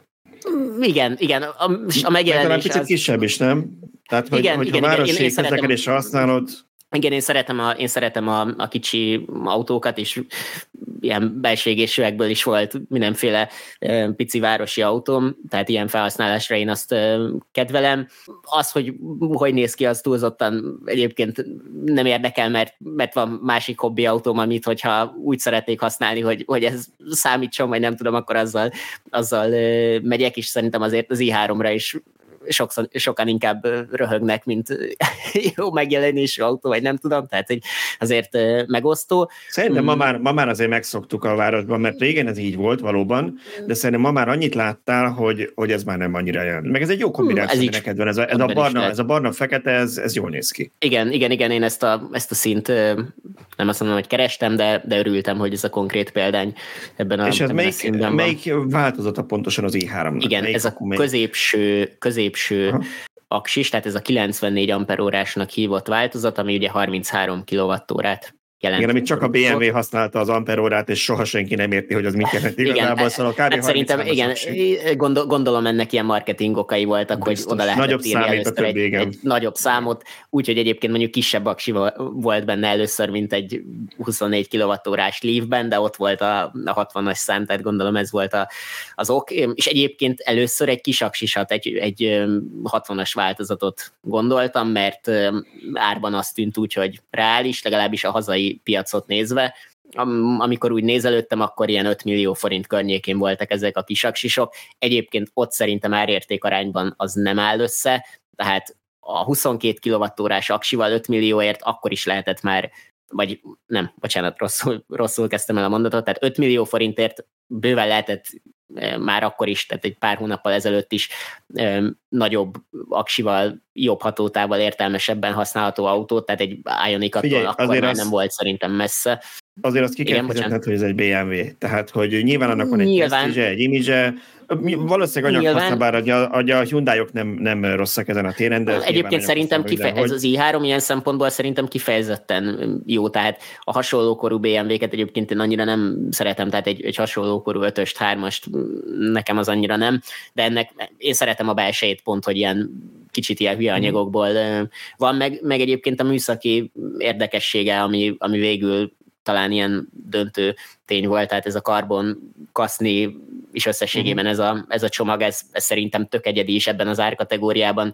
Nem csak elektromosak közt, nem, nem nagyon van ilyen műszaki, most a műszaki színvonal az lehet, hogy egy erős jelző, mert elektromos autóként nem olyan, olyan hú de csúcs, bár a korához képest szerintem tök jó, főleg, hogyha mondjuk a megjelenéséhez hasonlítjuk, tehát azért ott 2013 környékén lehetett hozzá 50 kW-os DC töltést kérni, az nem volt alap, de, de ugye rendes aksi temperálás, tehát hogy ilyen szempontból szerintem nagyon sok mindent eltaláltak az elején, meg úgy a használhatóságát a, tekintve is. Azt nem tudom, mert mondtad, hogy van másik autód. Hossz, a, igen, most igen. a hazahozatalról mindjárt térünk, de azon igen. a úton kívül te ezt hosszabb utakra is használd, vagy ott előveszed a másikat? Gondolkoztál esetleg, a, amikor nézted a Rex verzióban, hogy, hogy legyen azért biztonság kedvére egy, egy benzinmotor igen. benne, vagy Igen, nem, tehát azt nagyon hamar elvetettem, mert ahogy olvastam, azért azzal tudnak problémák lenni, és Nekem a plug-in hibriddel is kicsit ez a, ez a problémám, hogy az elektromos autónak az én szememben az egyik legnagyobb előnye a technikai egyszerűség és az üzemeltet, üzemeltethetősége, tehát hogy tényleg hosszú távon mm, nincsenek azok a fix költségek, ami még egy Rexnél is ott van, hogy olajcsere, ha az elromlik, milliós költség tud lenni. Nyilván egyébként jó pofa, és bizonyos helyzetekben sokat tud segíteni, de szerintem az inkább a 2010-es évek elején volt aktuális, tehát most már sok töltő van, lehet itthon is szidni a töltőhálózatot bőven, de mondjuk egy ilyen autót még a mai Jó, könnyen beszélsz, elég... 50, 50-es a maximális töltési teljesítmény az autónak, olyanból nagyon sok töltő van. Igen, ezt, de ezért mondom, hogy ezt az autót, igen, igen tudom, ne, ne, ne, tehát hogy én is, hogy mondjam, tehát amikor egy modern tesztautó van nálam, nem vagyok elégedett a töltőhálózattal, de Persze. egy ilyen autót alapvetően elég jól szerintem már, már egy Igen, azt, azt hozzá kell is. tenni, hogy ez az i3 elég jól kimaxolja az 50-es töltőket, mert ugye van olyan nagyon, modern nagyon, autó is, ami az 50-es töltő 35-40 kW-tal tölt, és az úgy jobban fáj. Ez viszont, ha jól emlékszem, ilyen 41 néhány és 50 között tölt a teljes tartományban szinte, tehát tök jó. Pontosan, tölt. igen, igen, igen, igen, és ráadásul hidegben, melegben szinte tök mindegy, mindig, mindig jól tudja, tehát tényleg a töltőhálózatot is bőven lehet kritizálni, de ezzel az autóval szerintem már olyan Rendben veszély van. viszonylag ritkán van, hogy nem jut el az ember valahova. Nyilván lehet találni olyan pontot Magyarországon, ahol tervezgetni kell, ez nem kérdés, de pont tegnap, nem tegnap előtt, bocsánat, Soltvat voltam forgatni, ez nekem oda-vissza pont 300 kilométer, ilyen i3-as csoportban benne vagyok. Van? Azt, át, nem, nem, nem, nincs meg, nincs meg, tehát normál autópályás sebességgel, vagy nem nagyon alacsony autópályás sebességgel nincs meg, de ilyen i3-as csoportban szoktam nézni, hogy már a 150-200 kilométeres utakra is kérdezik, hogy meg lehet-e vele tenni, mennyire szívás, nem tudom, tehát hogy mivel ugye én hazahoztam ezt 1300 kilométerről, így tudtam, hogy azért ez nem egy megugorhatatlan dolog, de Kecskeméten töltöttem lefelé megálltam egy, egy 5-6 percet, hogy biztos majd Soltvatkertről visszafele ott meg tudjak állni, mert ott Kecskeméten van több töltő, és aztán visszafele még egy 12 percet töltöttem, tehát összesen kevesebb, mint 20 percet töltöttem. Nekem ez így belefér, nem is időre mentem, nem sietve, tehát azt is hozzá kell tenni, de, de szerintem belföldön úgy nyilván kompromisszummal, meg, meg pici tervezéssel, de, de aránylag fájdalommentesen használható ez az autó. Aztán nyilván egyébként ekkora akkumérettel is van ami, van, ami, van, ami nyilván használható, tehát pont egy Ionic biztos, hogy, biztos, hogy sokkal jobban használható, mert azért az autópályán sokat fogyaszt, tehát hogy ez a forma ez nem, nem arra van kitalálva. Igen, az, az Ionic az, az nem kizárt, hogy nagyon sokáig én fogyasztási bajnok lesz az autópályán, mert azt vagy arra nagyon eltalálták a régi Jó, de, de hát, hogy ez mutatja nekem azt, hogy kisaksi, jó hatékonyság, aránylag jó tölthetőség is egy mennyire uh-huh. használható autó. Igen. Ehhez képest az Egyébként... azért nem ennyire jó, de igen, bocsánat. Nekem ismerős nemrég vett 28-as ajánlókat, és ő is nézegette a 38-asokat, végül úgy, úgy érezte, hogy nem éri meg neki a felárat a 38-as, és mondtam neki, hogy figyelj, nem semmi baj, mert a tiédet legalább tök jól lehet, azt hiszem 70-nel lehet tölteni a, kisaksis uh-huh. Mhm. ugye a nagyaksist valami miatt az kevesebb teljesítménnyel, úgyhogy igazából, ha sűrűbben is meg kell állni, de, de gyorsabban tud tölteni. Na de ha már itt szóba hoztad a, ezt a hazahozatalt, beszéljünk erről, mert ez, ez szerintem eh, ez egy külön misét megér. Eh, ott van a videóthoz a link a podcast leírásban, mindenkinek javaslom, hogy nézze meg. Ugye azt csináltad, hogy eh, te nem valami autóneppert, vagy autókereskedőt, vagy jó barát ismerőst kértél meg erre, hanem megvetted, gyakorlatilag online felvetted a kapcsolatot egy, egy eladóval, gondolom, egy külföldi autós oldalakat néztél, tudom, ilyen uh-huh. apró hirdetéses oldalakat. Hollandiában kiszemelted, kimentél repülővel, és hazahoztad lábon, és te intézted saját magad a honosítást, forgalomba helyezést, mindent.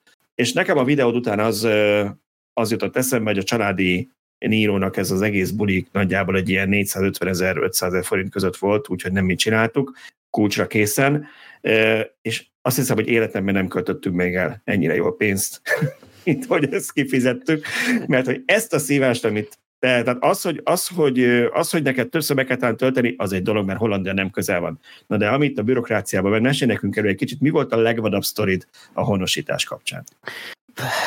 Az, az egy kompletten, szerintem egy, egy tökéletes látlelet Magyarországról, ahogy, ahogy ezen végig tud menni az ember. Semmi logika nincsen benne, és és mellé főként azért érthetetlen nekem, mert, mert olyan dolgok vannak ebben, ami nem pénzkérdése, tehát hogy nem, nem, nem olyan, mint a, nem tudom, a, az egészségügy vagy, a, vagy az oktatás, amit most tök mindegy, nem csak Magyarország viszonylatában bárhol fel lehet hozni, hogy rohadt sok pénzbe kerül, hogy egy társadalmi szinten ilyen dolog jól működjön. Ez, hogy egy Európai Unióban megvásárolt autót honosítani tudjon az ember egy egyébként hibátlan műszaki állapotú és érvényes műszakival rendelkező autót honosítani tudjon, tehát hogy ennek a folyamata nem hiszem, hogy annyi erőforrásba kéne, hogy kerüljön, ehhez képest vicces. Nem, Figyelj, a, a, annyi, az, annyit igen. hogy mondjak még, igen, annyit még hogy mondjak el annak, aki nem látta még a videódat, hogy kedvet csináljunk hozzá. Amikor Andris elkezdi mesélni a sztorit, fényes napsütés van ott ül az i3-ban, mire befejezi a sztorit, szól, hogy hú, ha besötétedett, el kéne indulnom haza. Jó? Úgyhogy, úgyhogy ez elmond, elmond mindent, nem, nem, nem hat órás a videó, csak valami 40 perc, ha jól emlékszem, de hogy mennyi időn igen. keresztül vetted fel, és nem azért, mert ötször meg kellett volna mert nem tudod, mit akarsz mondani. Valószínűleg sokat vágtál ebből, de akkor mesélj el nekünk, hogy mi volt volt a, a legőrültebb, legvadabb dolog, ami a honosítás kapcsán elő? Leginkább az volt a, a, a vicces szerintem, hogy tényleg ezen az autón érvényes holland műszaki vizsga volt másfél évig, tehát tényleg még úgy rendesen. Nem gondolom, hogy a holland műszaki vizsga az egy, nem tudom, bohóc dolog lenne, ami, ami nem egy hiteles tehát információ. Nem, nem hiszem, hogy... be az autót, bocsánat, nem, nem, csak nem. hogy EU-ból, igen. Igen, tehát hogy meg úgy alapvetően a holland autópiacról szerintem nem az a közvéleményben a megítélés, hogy egy leszakadt autókkal teli piac lenne, sőt, sőt alapvetően szerintem elég jó állapotú autók vannak, de nyilván ez általánosítás, tehát volt rajta érvényes műszaki vizsga, viszont az NKH állomásán ezt nem szerették volna elfogadni, mert egy kinyomtatott dokumentum volt csak erről, mert Hollandiában a műszaki vizsga állomáson nem nyomtatnak már ott helyben egy papírt, amit utána egy pecséttel aláírnak, mert van egy online rendszerük, és minek nyomtassanak, tehát szerintem ez elég logikus.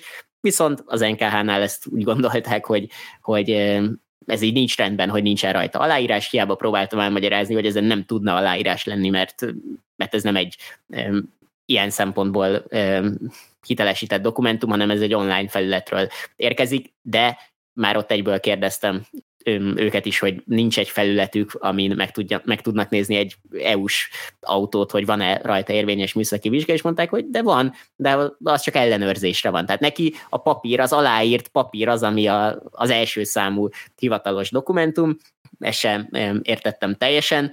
Egyébként zárójelben én is egy Google kereséssel még amikor mentem ki, megtaláltam a holland NKH-nak az oldalát, tehát ezt az ilyen közlekedésügyi hatóságnak az oldalát, és rendszám alapján megtaláltam, hogy természetesen van rajta érvényes műszaki vizsga, tehát szerintem az is már egy aránylag hiteles dolog.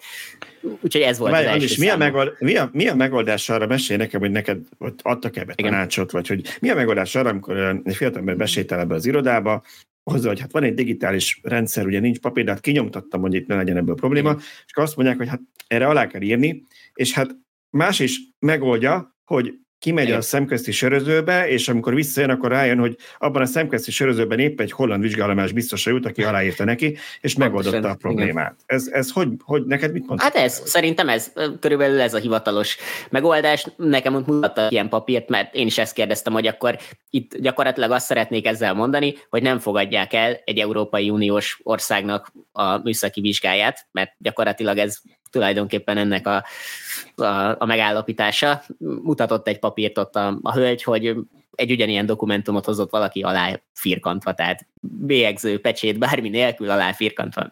Nyilván ez, ez igen, úgy már kiváló. Rajta nyilván volt egy ezek, nyilván ezek, a, nyilván ezek a kereskedők, nyilván ezek a kereskedők voltak, akik tudják, hogy szokták kérni a holland papírnál az aláírást is, aláfirkantják, de, de nem, nem értem, Egyébként mi lenne jó. a hivatalos módszer? Valami egyedi forgalomba helyezés, vagy nem. mi lenne a B opció? Semmi? Nincs? Akkor nem, ez az hát, autó nem kap magyar rendszámot? De igen, B, B opció az az, hogy, hogy van ez az egyedi forgalomba helyezés, amikor újra kell műszaki vizsgát tenni, de két szempontból sem lett volna ez ideális már ott aznap, mert azt mondták, hogy hogy is volt, bocsánat, hogy, hogy pontosan idézzem, tehát nem lehetett volna ezt az egyedit megcsinálni. Egyrészt ez plusz 38 ezer forintba kerül. Azt úgy annyira nem szívesen Nyilván. fizeti ki az ember, de mondtam, Tiszta hogy jó legyen, mert, mert nem kell még egyszer elmenni, oké. Okay. De nem lehetett, mert kell az érintés, érintésvédelmi felülvizsgálat, talán ez a Ja, az egyedihez kell még. Ugye ezt, ezt korábban kell, minden műszakin kérték, azt egy ideje eltörölték, de ezek szerint egyedi forgalomvezéshez kell. De, de ezt azért nem értem, mert egyébként nektek találtam pont egy cikketeket, amiben megkérdeztetek valakit, mert ugye volt egy módosítás, ugye a műszaki vizsgánál nem kell már ez. De eredetileg sem az volt beleírva a köhém rendeletbe. Az ugye 1990-es köhémrendeletbe, ami azóta van pofozgatva, tehát... Valószínűleg a targoncákra lett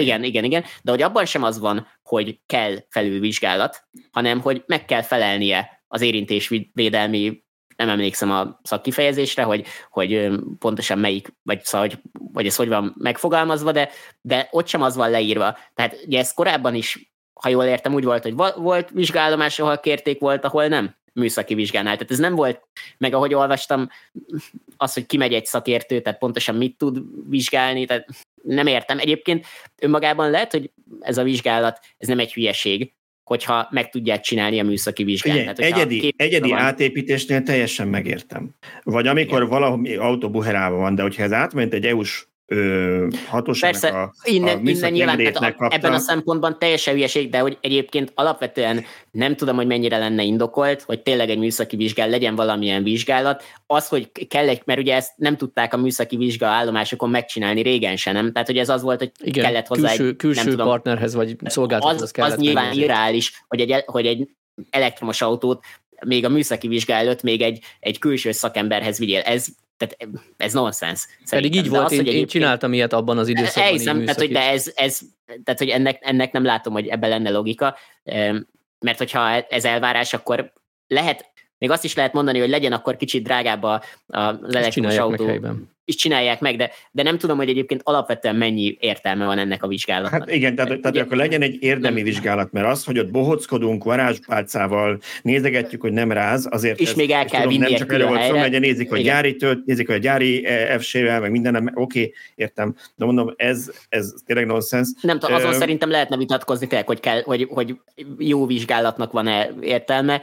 Ezt nem tudom, hogy itt nektek milyen ismeretetek van erről. Hát hogy, ott megnézték hogy... például a konnektoros töltőt, na de az nem egy kötelező hm. tartozik. Ha én azt mondtam, hogy nekem nincs se AC töltőkábelem, se konnektoros töltő, mert otthon egy wallboxról töltök, útközben meg csak DC töltök, az teljesen reális forgatókönyv lehet. Igen, valószínűleg ebben ez a baj, hogy sok a változó. Hogy... Szóval Elon Musk Na ne veszünk, ne veszünk el ebben az érintésvédelmi felvizsgálat témában, nem kell mert mellékszál mondjon, de, de egyszer mondott egy olyat, ami, ami nekem nagyon tetszett, hogy ő hozna egy olyan törvényt, hogy bárki, bármi jogszabályalkotó bevezet egy új törvényt, akkor kötelezőnek kellene lenni, hogy kettőt törölni kell a meglévő szabályok közül. Mert hogy ugye ezek a, tör, ezek a szabályok ezek megszületnek, soha senki nem törli őket, mindig csak újabbak és újabbak jönnek, és, és ez ilyen szempontból teljesen nevetséges, hogy egy modern elektromos autónál ilyet nézünk, mert Hát nem. Jó, szóval hazahoztad, akkor, akkor lábon az a kérdésem, és megcsináltam minden papírt, hogy megbántad-e, ha most újra kezd. Ugye a te autód azért nem egy 10 milliós autó volt, azért ott más egy fél milliós extra költség, tehát Igen. van ebben ráció, de hogy újra, újra, jó mondjuk most hát tapasztaltam, vagy lehet, hogy most a flottából menne, de újra belevágnál ebbe, vagy azt mondtad, hogy nem, inkább kifizeted valakinek, hogy hozza ide az autót. Relatív, mert így tartalomkészítés szempontjából nem volt ez rossz, tehát egy külön videót kiadott. Ez egyébként ezt sejtettem is, hogy a végén, hogyha lesznek problémák, akkor ezzel lehet egyensúlyozni. Mm, alapvetően egyébként nem, tehát hogyha az embernek főleg van egy 8 órás munkája, ami nem annyira rugalmas, tehát nekem ez belefért, hogy elmegyek, két nap volt gyakorlatilag kompletten a, a hazahozatal másfél-két nap között, utána erre az ügyintézésre összeadva tényleg két teli munkanap elment, tehát hogyha így nézem, négy, hát minimum négy munkanapot nem, nem hiszem, hogy, hogy megér egy tényleg alacsonyabb árszintű autónál. Nem, nem, nem, szerintem, szerintem. Hát igen, meg amikor azt mondják, hogy jó, most akkor tessék hazamenni, mert akkor mégis inkább más kell, és akkor megint vegyél ki szabít, megint menjél valahova intézni. Persze. Meg persze. nem is, nem is Pesten intézted, mert ugye nem kaptál volna időpontot, tehát lementél vidékre. Igen, tehát e- e- ez egy általános felhasználónak biztos, hogy, vagy vásárlónak biztos, hogy így ebben a formában nem éri meg. Egyébként kintről hozni mm, elektromos autót úgy, hogy az ember magának intézi, úgy, hogy más intézi. Szerintem, szerintem van, van ebben ráció, mert nyilván sokkal nagyobb piacok vannak, mint Magyarország. Egyébként szerintem nincsenek rossz áron alapvetően itthon az elektromos autók. Ennek nyilván több oka is van, alapvetően a használt autók árai Magyarországon nem tudnak annyira nagyon erősek lenni, mert, mert mellé a vásárlóerő, de én, ahogy ezt a, az autót vettem, ezt a videóban is elmondtam, én általában ilyeneket szoktam számszerűsíteni, mert szeretik a, a, az emberek, tehát ezt az i3-ast valamivel 4,5 millió forint felett vettem, és így mindennel együtt, a papírozással, a repjegyel, a töltésekkel, az autópálya díjakkal, mindennel együtt volt talán 4 millió 800 ezer forint alatt egy picit. Úgyhogy itthon amikor, amikor ezt intéztem, akkor ilyen 6 millió kettő alatt nem volt ilyen 94 amperórás i3-as, tehát egy, nagyjából egy millió forintot lehetett spórolni, hogyha nem magamnak intézem, még akkor is ugye lett volna bőven ebben szerintem um, hely, és, um, és egy, egyébként tök jó autó, tehát hogy adott hozzá az eladó egy 2023-as dot számú Nokia-n ez a Hackel Plita nagyon-nagyon jó téli gumi, ezt nem is árulják szerintem Magyarországon, mert ilyen, inkább ilyen északi piacokra szokták. És várjál, az i3-as nem is olcsó a gumi, ugye a speciális. Hát nem, ez, ez a gumi, ez a gumi, ezt, ezt, meg, ezt megtaláltam, ezt egy helyen egyébként egy webshopban árulták, valami 110 ezer per darab áron, ami nyilván vicc, ember nem fizeti ki, de hogy Szóval egy picit más ott szerintem. Nyilván nem gondolom, hogy Nyugat-Európában mindenhol csak százszázalékos állapotú autók vannak, amit leszervizelve, friss gumival és tökéletesen adnak el, tehát nyilván ez egy túl nagy általánosítás lenne, de itt például az volt a, tapasztalat, hogy egy, egy középkorú eladó volt, baromi normális, és láthatóan nem ezen volt fennakadva, hogy most beleárazza ezt a plusz téli gumit, mert mert nem nagyon érdekelte. És alapvetően az autó is olyan állapotú, hogy, hogy, hogy tök jó. Úgyhogy szerintem, hogyha egyébként az embernek erre van affinitás, és egy picit utána megy, akkor nem, nem hülyeség bevállalni akár kintről is, mert egyszerűen nagy a piac, vagy nagyobbak a piacok, mint itt Igen, van. de azért van Bár benne egy olyan kockázat, hogy, hogy, hogy oké, okay, te láttad személyesen, és mondhattad volna azt, hogy mégse hozom el, de akkor feleslegesen kirepültél, mert ott hirtelen nem tudsz másik autót igaz, venni, vagy igaz. utazgatni kell, stb. Hát, egyébként volt alternatíva, tehát ilyenkor egy picit lehet így készülni, de tök igaz, tehát hogyha egyébként a kockázatot mellé teszem, akkor megint ott, ott vagyunk, hogy pár százezer forintért egy általános felhasználónak valószínűleg nem érdemes ebbe így belemenni. Lehet, hogy egyébként egy magyar, vagy, bocsánat, magasabb árszinten már, már nagyobb is ez az olló, ott, ott lehet, hogy megint akkor az, az egy picit ilyen szempontból más. Én nyilván tudtam róla videót készíteni, tehát emiatt a kockázatot ezzel egy kicsit lehet csökkenteni, hogyha rossz, akkor az még jobb videót ad ki. Igen, igen, igen, ez nálam is mindig benne van, amikor már megint szervizbe kell vinni a Teslát, de fáj, fáj, de, de milyen jó cikk lesz belőle. Igen. igen. Jó, lépjünk tovább. Mindenképpen szerintem nézzétek meg Andris videót, itt van a link a podcast leírásában, mert ennél sokkal több mindent mond el benne, és szerintem tök jó a sztori elejétől végéig. Viszont térjünk át a következő témánkra, ami hát szerintem inkább csak egy érdekesség, de majd meglátom, meglátjuk, hogy nektek milyen véleményetek róla. Ugye Európai Unió kitűzte ezt a 2035-ös céldátumot az elektromos átállásra, ami nem, nem azt jelenti, hogy az utcáról bevonják és bezúzzák az összes belségési motoros autót, csak azt mondták, hogy 35-től csak hely, zéró helyi károsanyag kibocsátás autót lehet forgalmazni, ha ezt meg tudják oldani benzinesben, hogy zsákba gyűjti a kipufogógázt és feldolgozza, legyen. De ugye Többször láttuk már, hogy tiltakoztak ezen ellen egyes autógyártók, vagy hát kétértelműen nyilatkoztak bizonyos vezetőik, és hát természetesen a, a, a szaklapokban is megosztik erősen erről a vélemény nem tudja, hogy mi támogatjuk, senki más nem.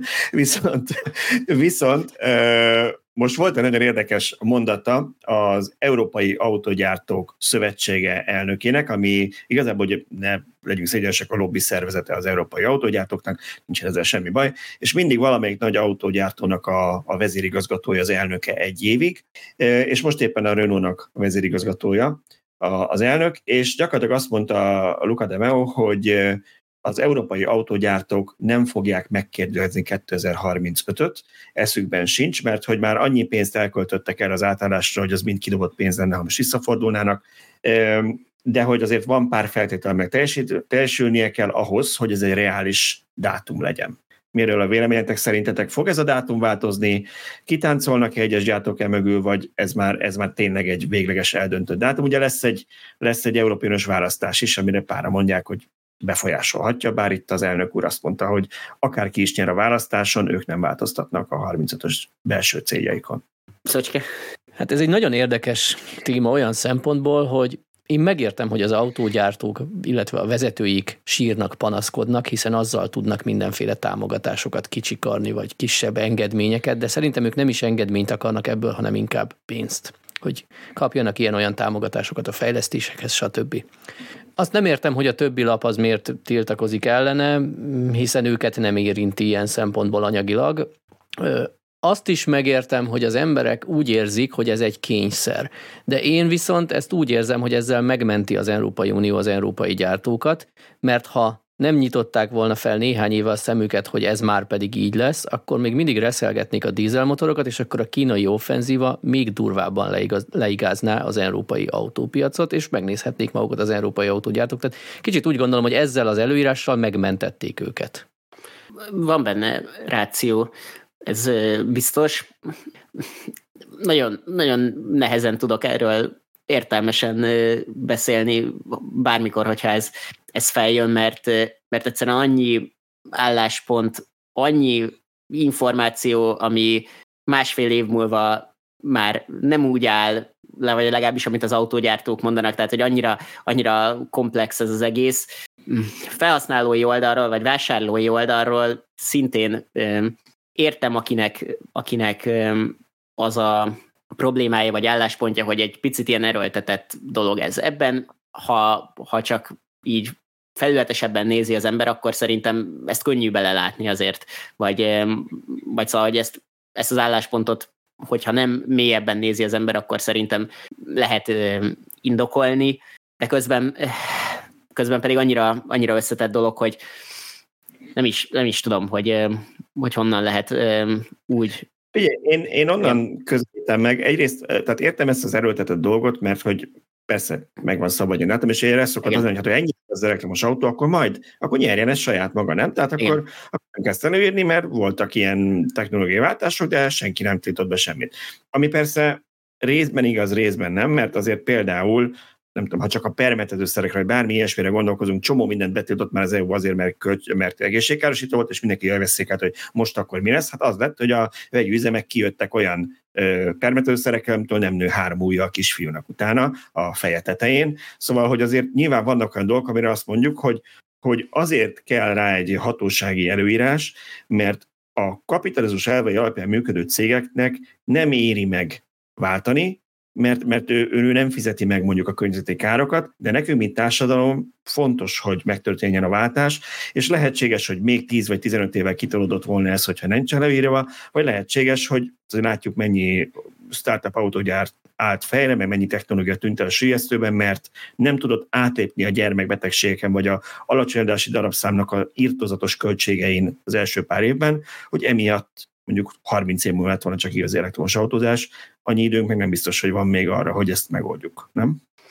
Igen, és még egy fél mondat erejéig oda visszakanyarodnék, hogy a többi lap, újság ellenzi, nem ellenzi is, hogy, hogy ez, ez kapcsolódom, mert az, hogy az autógyártók, eh, bocsánat, csak na igen, fél kézzel véletlenül elindítottam a zenét a, a fülesemmel, mert össze-vissza működik. Igen, ha jó zene, akkor berakjuk, csak ne egy jobb díjas, igen, letét minket a igen, YouTube. Igen, igen, igen, szerencsére csak az én fülemben indult el.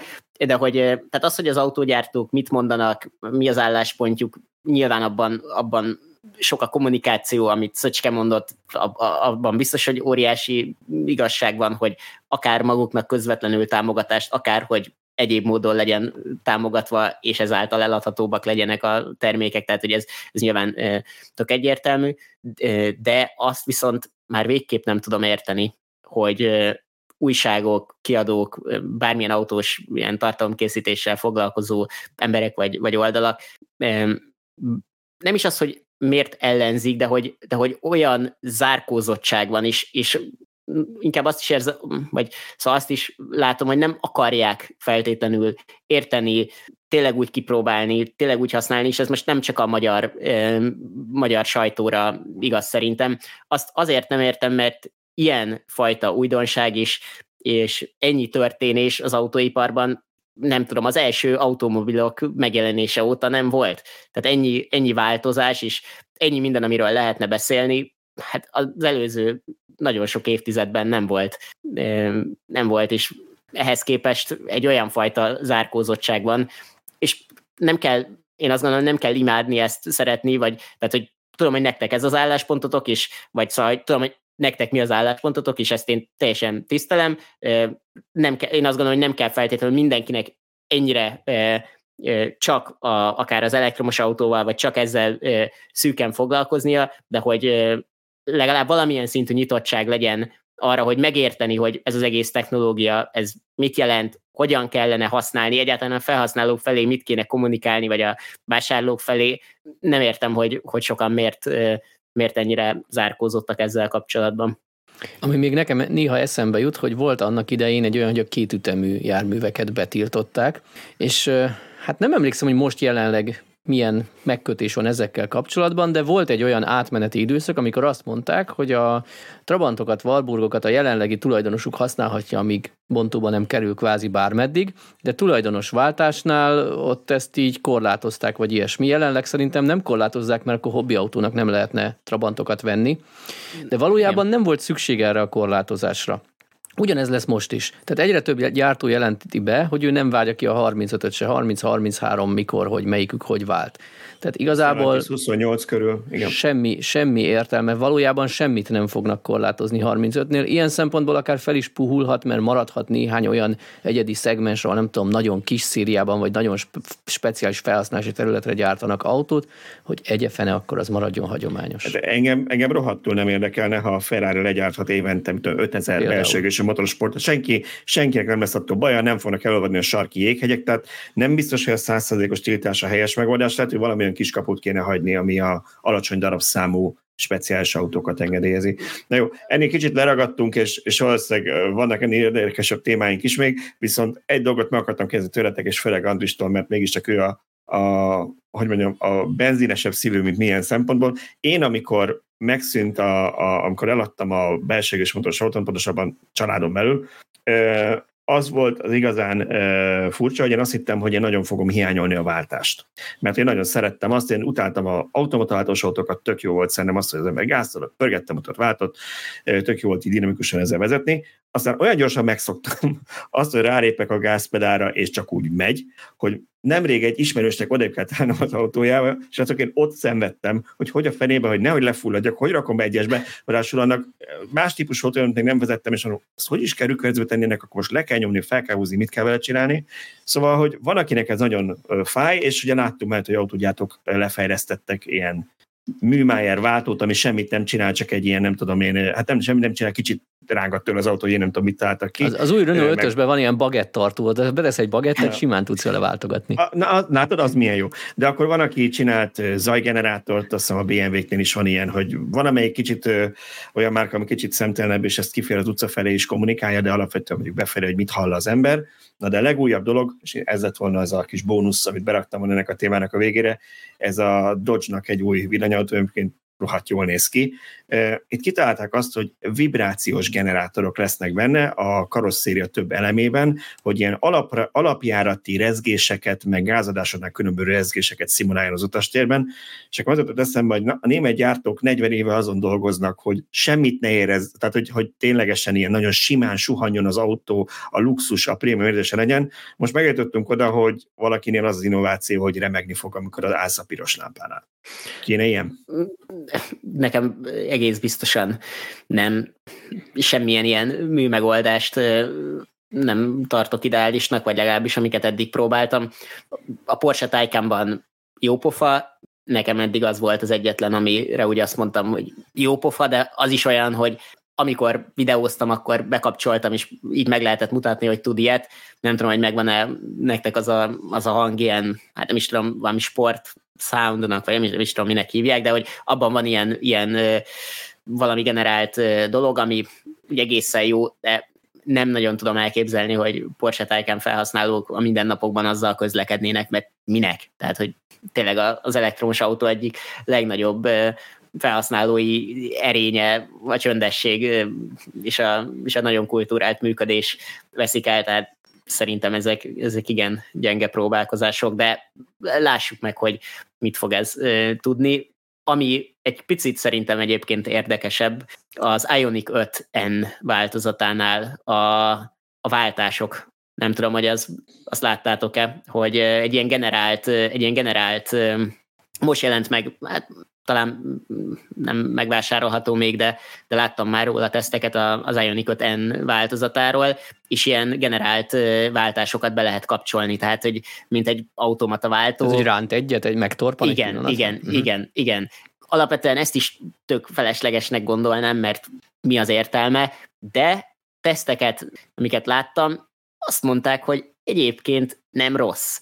Tehát, hogy ugye az Igen, amíg az opcionális, amíg az opcionális, valaki kifizeti, mert neki kell, én nem tőle sajnálom. Csak mindig azt teszem, hogy mi, mi lett volna, ha az első Ford T-modell mondjuk a dudagon megnyomására nyerített volna, hogy lett volna rajta egy, egy, egy műláb, ami megrúg, hogyha rosszul fogod meg, hogy olyan legyen, mint a lovam. Szóval, hogy nekem ez annyira, annyira nevetséges, de, de ha valakinek Persze, szimpi... nem, én is azt gondolom, de, de mondom, itt, itt ennél az Ionic 5 változatnál általam követett és, és hitelesnek gondolt tartalomkészítők mondták azt, hogy egyébként egészen jó pofa.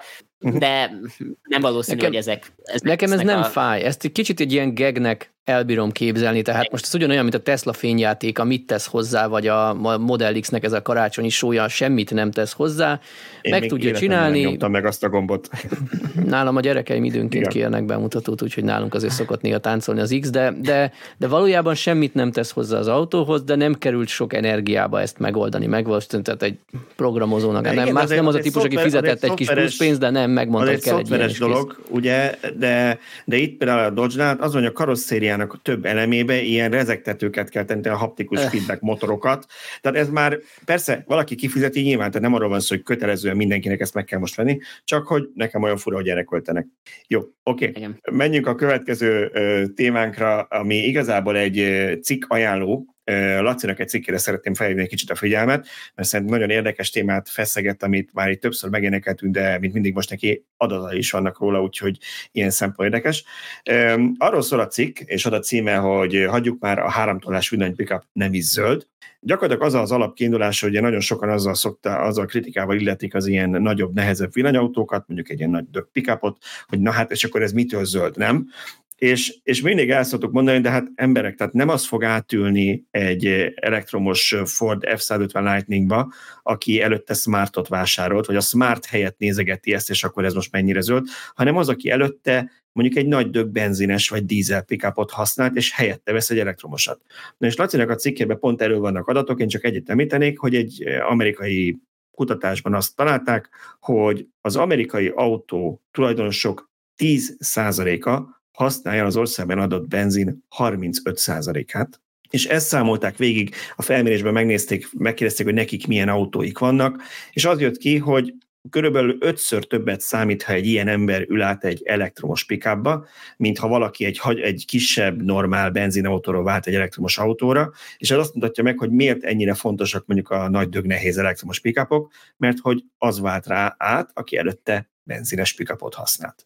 Ez egy kicsit ez olyan párhuzam, mint miért cseréljük elektromosra mondjuk a városi buszokat.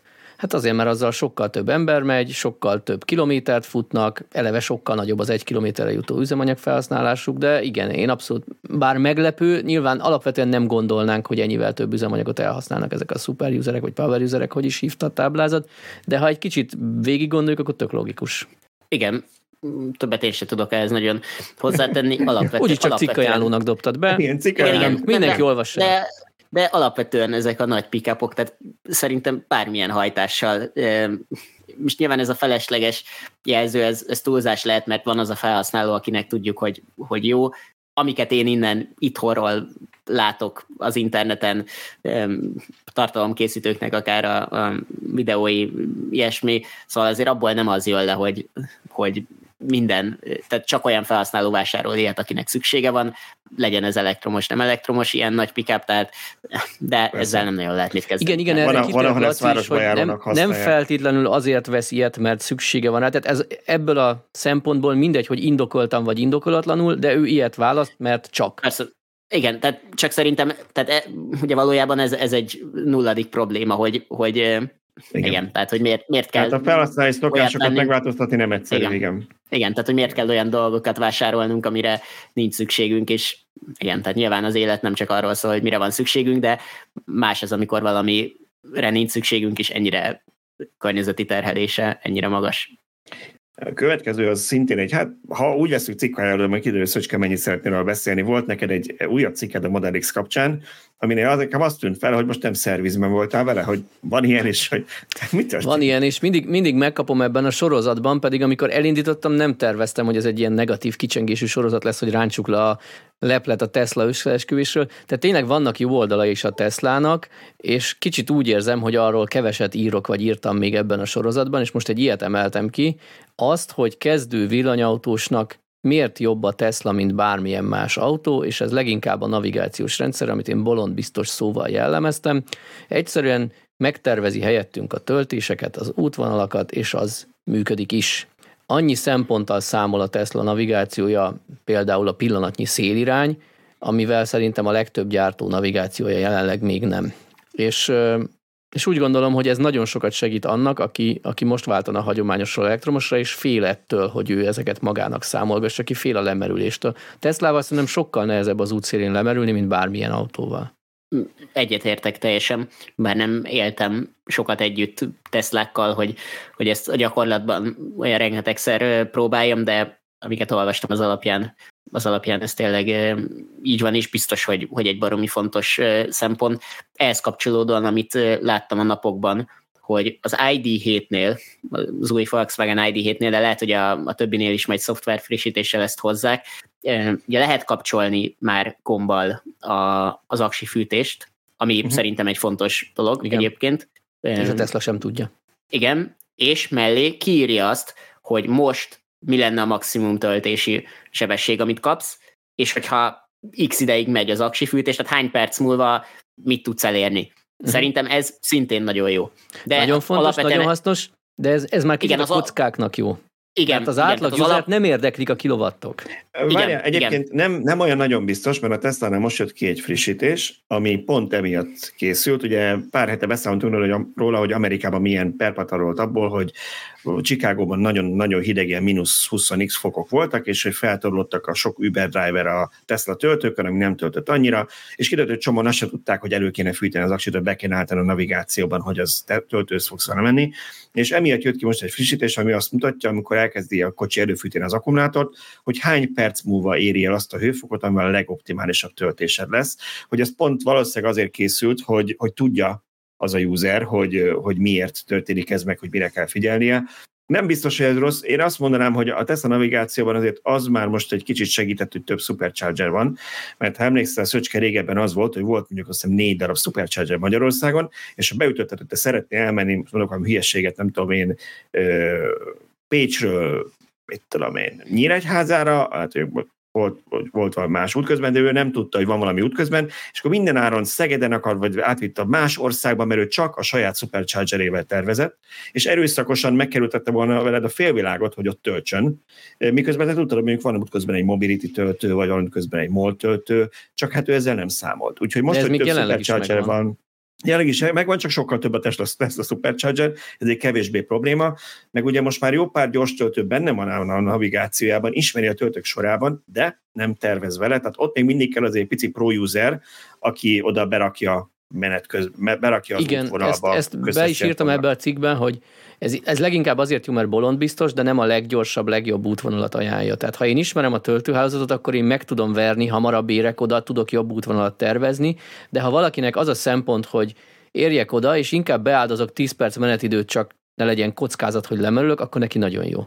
Igen, és szerintem ezek nagyon, nagyon fontos szempontok egyébként az elektromos autók terjedésénél, hogy, hogy ilyen szinten az alapfelhasználónak egyszerűbb is átláthatóbb legyen, mert sokan ettől rettegnek, hogy látják nálatok is a cikkben, nálam is a videóban, hogy, hogy tervezni kellett és kitalálni, és nem tudom, ami, ami egyébként nem feltétlenül szükséges, csak hogyha az embert ez érdekli, akkor belemegy és, és kitalálja, és, és optimalizálja, és ilyesmi. Az, át, szóval az általános felhasználó utazik, megáll, észre sem veszi, 25 percet kajágat, pisilget, nem tudom. Tehát, hogy ha, ha egyébként szerintem mindenki megnézni, hogy hogyan utazik, eh, és mivel tölt időt, nem biztos, hogy ez annyira, annyira három perces megállások. Tudom, hogy van, igen. aki igen, tehát hogy ezt tudjuk, és nincs is az, tehát hogy az ne is feltétlenül vásároljon még olyan autót, ami nem tudja ezt, de, de szerintem sokan, tehát hogy mindig ez a legrosszabbra való készülés, ezt, ezt nem lehet kiverni egyszerűen a, az emberek fejéből, és ezek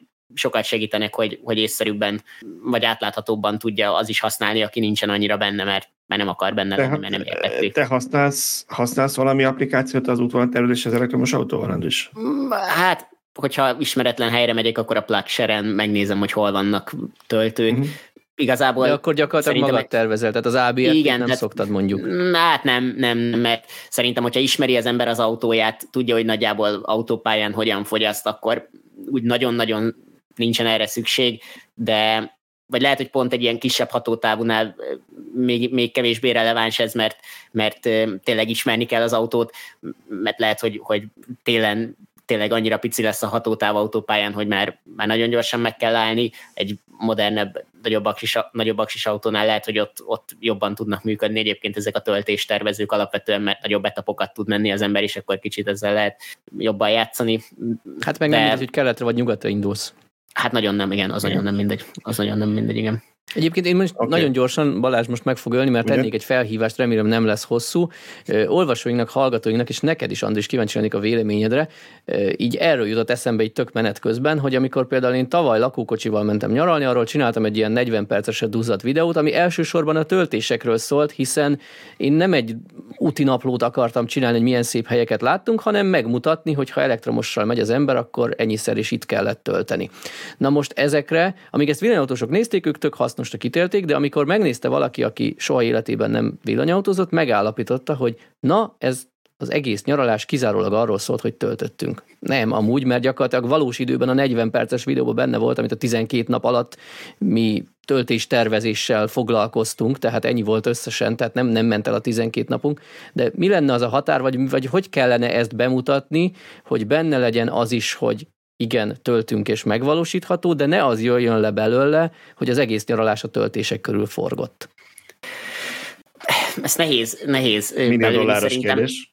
Igen, szerintem addig nagyon nem tudja elhelyezni egyébként az ember, hogy, hogy mi is ez az egész, hogy tölteni, megállni, tervezni, ilyesmi, amíg nem próbált ki egy, egy elektromos autót. Tehát addig, addig ez egy ilyen nagyon fura dolognak tűnik, és azért azt én hozzátenném, hogy ezzel a kisaksis autóval legalábbis, ami nekem van. Szóval ezzel, hogyha ha utazik az ember, igenis ott van, ott van folyton a fejében, hogy tervezni kell, hogy lesz ez, mint lesz ez. Én nem attól rettegek, hogy le fogok bárhol robbanni, mert, mert az, hogyha egy picit ismeri az ember az autóját, akkor szóval abban nagyon nehéz egy olyan helyzetbe kerülni, mert maximum lelassít. De, de megértem, hogyha valaki nem próbált ilyet, akkor ez nem egyértelmű, de, de mm, mit is, mit is akartam. De nem, nem tudjuk nekik bemutatni, amíg nem próbálják. Igen, igen, ne, igen, igen, igen azt, nagyon nehéz. Továbbra is azt javasolnám, nyilván Magyarországon is vannak autókölcsönzők, és némelyikben van elektromos autó, de szerintem ez egy elég költséges hobbi lenne ott ezeket kipróbálni, és nyilván az ember nem tud minden autót beszerezni, amit meg akarna esetleg venni, de aki gondolkozik elektromos autó vásárlásban, de még nem vezetett, én annak azt javasolnám, hogy valamelyik, nyilván ez elsősorban Budapesten érhető el, bár van egy pár vidéki városban, biztos van ilyen közösségi autómegosztó, valamelyiknél próbálja ki, ott már van olyan akár egy napra is el lehet vinni, és ilyen 10 ezer forintos béleti díjakért, tehát nem 50 meg 80 százalék, mint autókölcsönzőnél, vigyen el egy, egy hétvégére mondjuk egy elektromos autót, ne, a leg, ne egy, az iápot én imádtam városba, de nem biztos, hogy a Balatoni útra ezzel próbálja ki, de azért vannak ott mindenfajta konáktól kezdve, i3-asokon át nagyon sok elektromos típus, vigye el, próbálja ki, és akkor sokkal jobban képbe lesz erről az egész történetről. Én továbbra is, amit itt említettünk, csak mert nem mindenkinek egyértelmű, nem mindenki ebben él, az ABRP-t ajánlanám. Van ennek egy hosszú neve, de nem fogom végigmondani, mert ha valaki beírja a telefonjának az applikációs boltjában azt, hogy ABRP ki fogja dobni a nevét ennek az alkalmazásnak, ott kiválasztod az autó típusát, lehet vele ilyen fantasy futballt játszani, hogy még nincs meg az autó, csak úgy nézegeted, kiválasztod az autó típusát, és beírod, hogy hol laksz, hova szeretnél elmenni, és már az alap ingyenes verzió is tök jól megmutatja neked, hogy mondjuk azon az évente kétszeri horvát úton, mondjuk hol kell kétszer megállni, kétszer tudom 15 percre, Szerintem sok magabiztosságot adhat annak, aki mondjuk attól fél, hogy hoho, hát de mi azért leszoktunk menni a nagyit meglátogatni Zalagerszegre, oda én hogy tudnék elmenni, most akkor én nézegessem végig a 32 applikációt, hogy kinek hol van töltője, és rájön, hogy nem ennyire komplikált ez. Igen, és egyébként játszani is kifejezetten jó összehasonlítani autókat. Erre én is szoktam használni. Melyiken, valós, valós útvonal tervezésre talán még soha nem használtam, úgyhogy igénybe is vettem igen. azt az útvonalat, de sokat játszok vele, hogy bizonyos igen. típussal mennyi hátrány vagy előny lenne.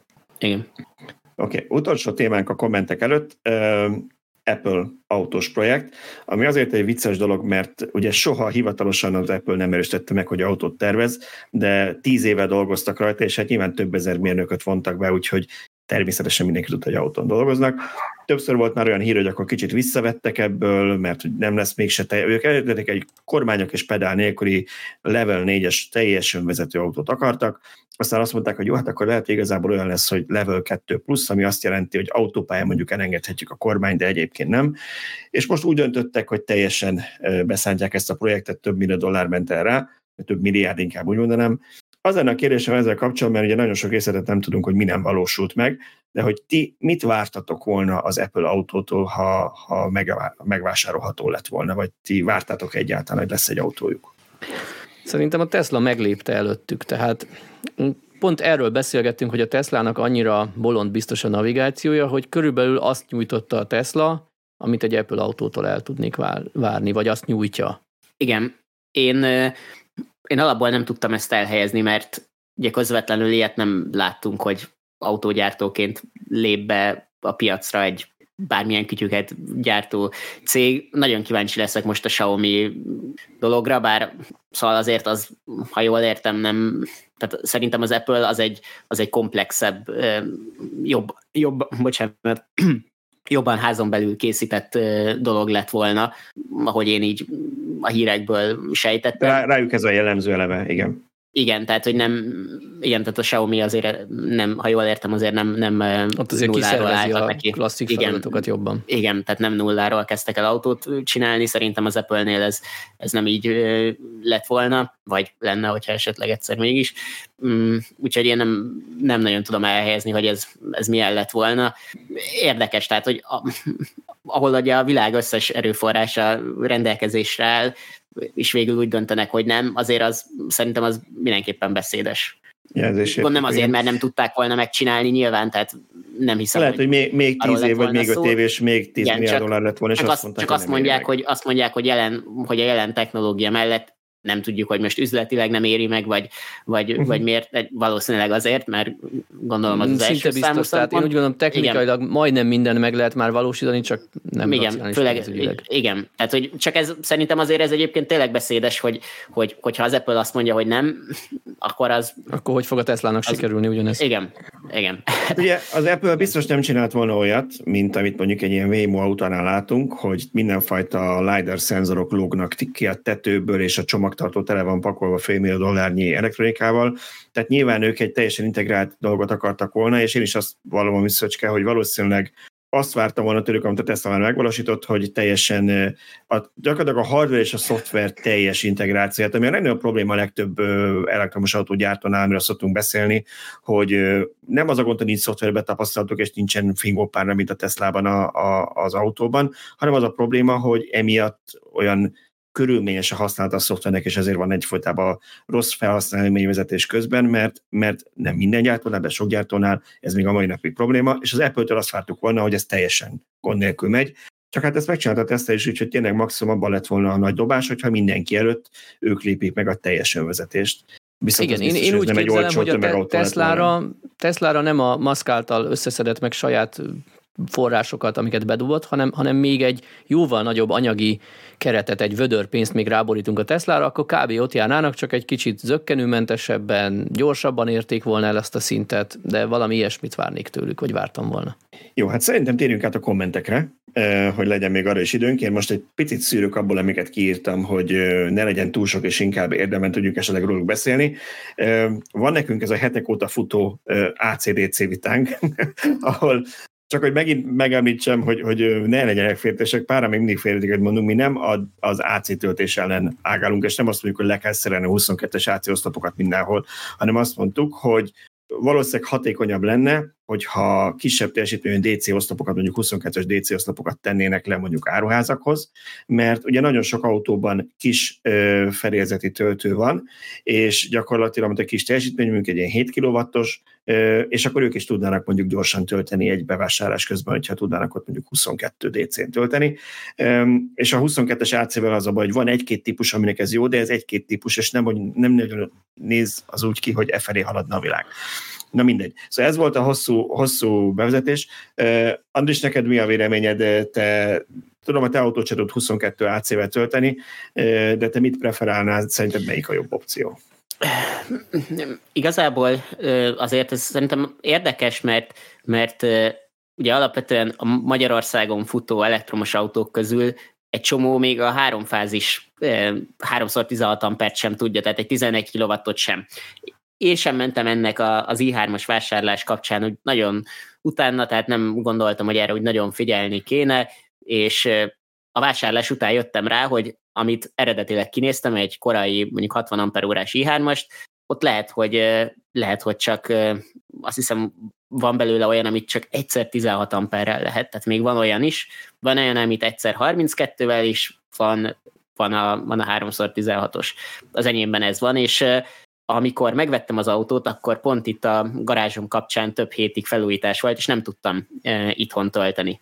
Tehát kellett tölteni a sarkon lévő mobility-nél, meg ahol tudtam. És azért ott már az a 11 kW is egyébként tök jól jött, de igen, nem tudom, hogy, nem tudom, hogy, hogy ehhez képest a, a, az, hogyha mondjuk ott lettek volna nem tudom, 22-es DC-k akár, akkor az, az ilyen szempontból egy mennyivel praktikusabb dolog lett volna nagyon, nagyon, nagyon, nagyon, figyelj, ez, ez nagyon jó, hogy a 22-es DC-t említed, Igen. nem az autó 22-es AC képességét, mert pont erről megy itt a vita hetek óta. Én, én már szerettem volna ezt elengedni, mert nem hiszem, hogy hozzá tudok tenni. Én azt mondom, hogy ez pénzügyi kérdés. Ilyen ökölszabályként én azzal számolnék, hogy 11 kW-nyi AC-DC konverter, tehát mindegy, hogy ezt az autóba vagy a töltőoszlopba szereljük be, ez így nagyságrendileg 1 millió forint ha minden autóba 11 helyett 22-es töltőt szerel be a gyártó, az egy ilyen nagyságrendileg 1 millió forintos felárat jelent. Tehát szerintem az butaság, hogy fixen minden autó kerüljön 1 millióval többe, akár kell a usernek, akár nem ez az opció. Viszont sokkal racionálisabbnak tartom, hogyha szükség van a 22 kW-os töltésre, akkor ahelyett, hogy 22 kW-os AC oszlopokat tesznek be, abba ugye nulla az ACDC konverter, tehát ott nem egy, hanem durván két milliós felárral, akkor helyettük tegyenek le 22 kW-os DC töltőket. És innentől azt a pénzt sokkal hasznosabban elhasználjuk, mert oda megy egy autós, bármilyen fedélzeti töltője van, ő fog tudni 22 kW-tal tölteni. És úgy gondolom, hogy míg ha az én autómba betesznek egy 22-es AC töltőt, akkor azt mondjuk heti egy-két alkalommal fogom kihasználni, élvezni annak az előnyeit. Ha egy oszlopba van kitéve egy nyilvános oszlopba, azt napi több, akár heti 20-30 alkalommal fogja használni egy autós, tehát sokkal hasznosabban, praktikusabban költjük el ezt a pénzt erre az ACDC konverterre. Én így gondolom, de innentől tényleg nem, nem szeretnék ez a témához többet hozzátenni. Jó, valószínűleg, valószínűleg túl sokat beszélünk már így is. Oké. Okay. Volt egy nagyon érdekes kommentünk um, Cybertruck kapcsán, ugye múltkor beszéltünk erről, hogy ez a rozsdásodik a Cybertruck vagy nem, és hogy milyen a legfrissebb elmélet, amit, amit már megerősített a, az autó tervező csapata is, hogy nem a maga az autó rozsdásodott, hanem a lég, légköri szennyeződés jutott a, a rozsdamentes acél karosszéria, ami reakcióba lépett vele, és ez okozott ilyen rozsdafoltokat, amit ilyen rozsdamentes acél tisztítószerrel gond nélkül le lehetett törölni és Tibor azt mondta, hogy hát ő azért ebben nem biztos, hogy hisz, mert hát hogy azért ez akkor tömeges jelenség benne, és mindenhol látszana. Én mondtam, hogy én ugyanebben a fórumban, az egész világsajtó dolgozott, találtam olyan hozzászólást autókozmetikustól, aki azt mondta, hogy ez tök gyakori, és hogy csomó fehér autón ezt már kijavította, olyanokon, amik fényezve vannak, tehát nem, nem cybertruckok. És a lényeg az, hogy írt nekünk valaki kommentet, és ezért nem egyszer, hogyha felolvasom, mit mondott, azt a történet a 2000-es évek eléről való, akkor testközelből irányítottam a Suzuki autószállítását vasúti kocsik segítségével. A probléma ott is hasonló volt, világos színű autók fényezésen például a fehér, az Esztergomi gyárból való indulás után az út folyamán valamilyen idegen anyag rakódott le, ez megállítás után rozsdásodni kezdett, ráadásul be is égett a festékbe. A mikroszkopos vizsgálat kimutatta, hogy ez vas szemcse, ami a szállítás folyamán kerül bele a fényezésbe. Zárójel, nagyjából ugyanezt mondták abban a fórumban a Cybertruck kapcsán, akik ottani autókozmetikával foglalkoznak. A forrásra pedig a szerelvényt húzó dízelmozdony kipufogó gáza, az oka pedig az, hogy nem tiszta gázolat használtak a mozdonyban, okosban egy kis használt mozdony motorolás segítségével csökkentették a szállítási költségeket. Tehát akkor ez valószínűleg nem városi legenda, hanem még itthon is autógyártásnál előjövő probléma volt, hogy előfordul. Oké. Okay. Következő témánk az egy nagyon egyszerű téma, energia termelés és Paks 2-re szüksége, vagy nem. Tehát ez nyilván bármelyikünk zsebből megmondja, hogy, hogy ez kinek van igaza. Viszont volt egy komment, ami egy viszonylag tipikus reakciónak látom erre, és szerintem azért nem árt, ha foglalkozunk vele. Azt írta valaki, hogy oké, okay, Paks 2 az orosz függőség, üzemeli technológia, fúj-fúj agresszor Putyin, értem, na de a napelemek honnan? Mert saját gyártás nincs. Kína gyártja a napelemtáblák a 80%-át, energiatárolókat is ugye Kínából hozzák 60-70%-ban. A lényeg az, hogy akkor nem tök mindegy, hogy Oroszországtól vagy Kínától függünk igazából, hogy egyik függőséget cseréljük másikra, ezt mondja a kommentelő. Reagáltok nyugodtan ti, aztán ha valami kimarad, akkor kiegészítem. Szintén egy régi, régi és, régi és visszatérő témánk ez, a, ez az energetika, és, a, és ez a zöld vagy nem zöld. Ugye hát itt egy abszolút hatalmas különbség, hogy a napelemnek az üzemanyagát, a napot, azt nem kell sehonnan importálni, ellenben az atomerőműnek az üzemanyagát azt folyamatosan a teljes fenntartás alatt kell. Igen, tehát az egyszeri, igen. egyszeri beruházás vagy, vagy folyamatos, igen. Andris?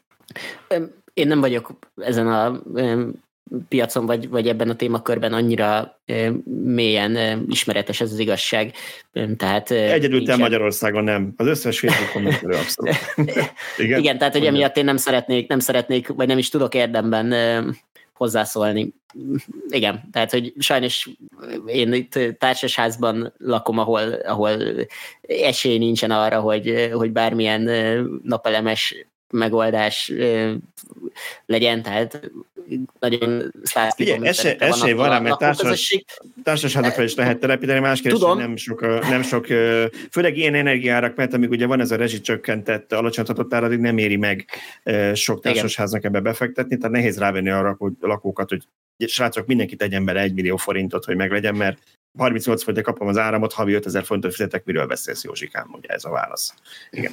E, annyit tennék hozzá, hogy én is szöcskövétek egy, igazából az a, az a lényeg, hogy, hogy azért egyrészt, egyrészt az a folyamatos energia forrásbeszélés, tehát hogy mondjuk az uránt oroszoktól kell venni, vagy pedig, hogy már a használt fűtőelemeknek a hosszú távú tárolását azt szintén Oroszországban tervezték valahol elásni.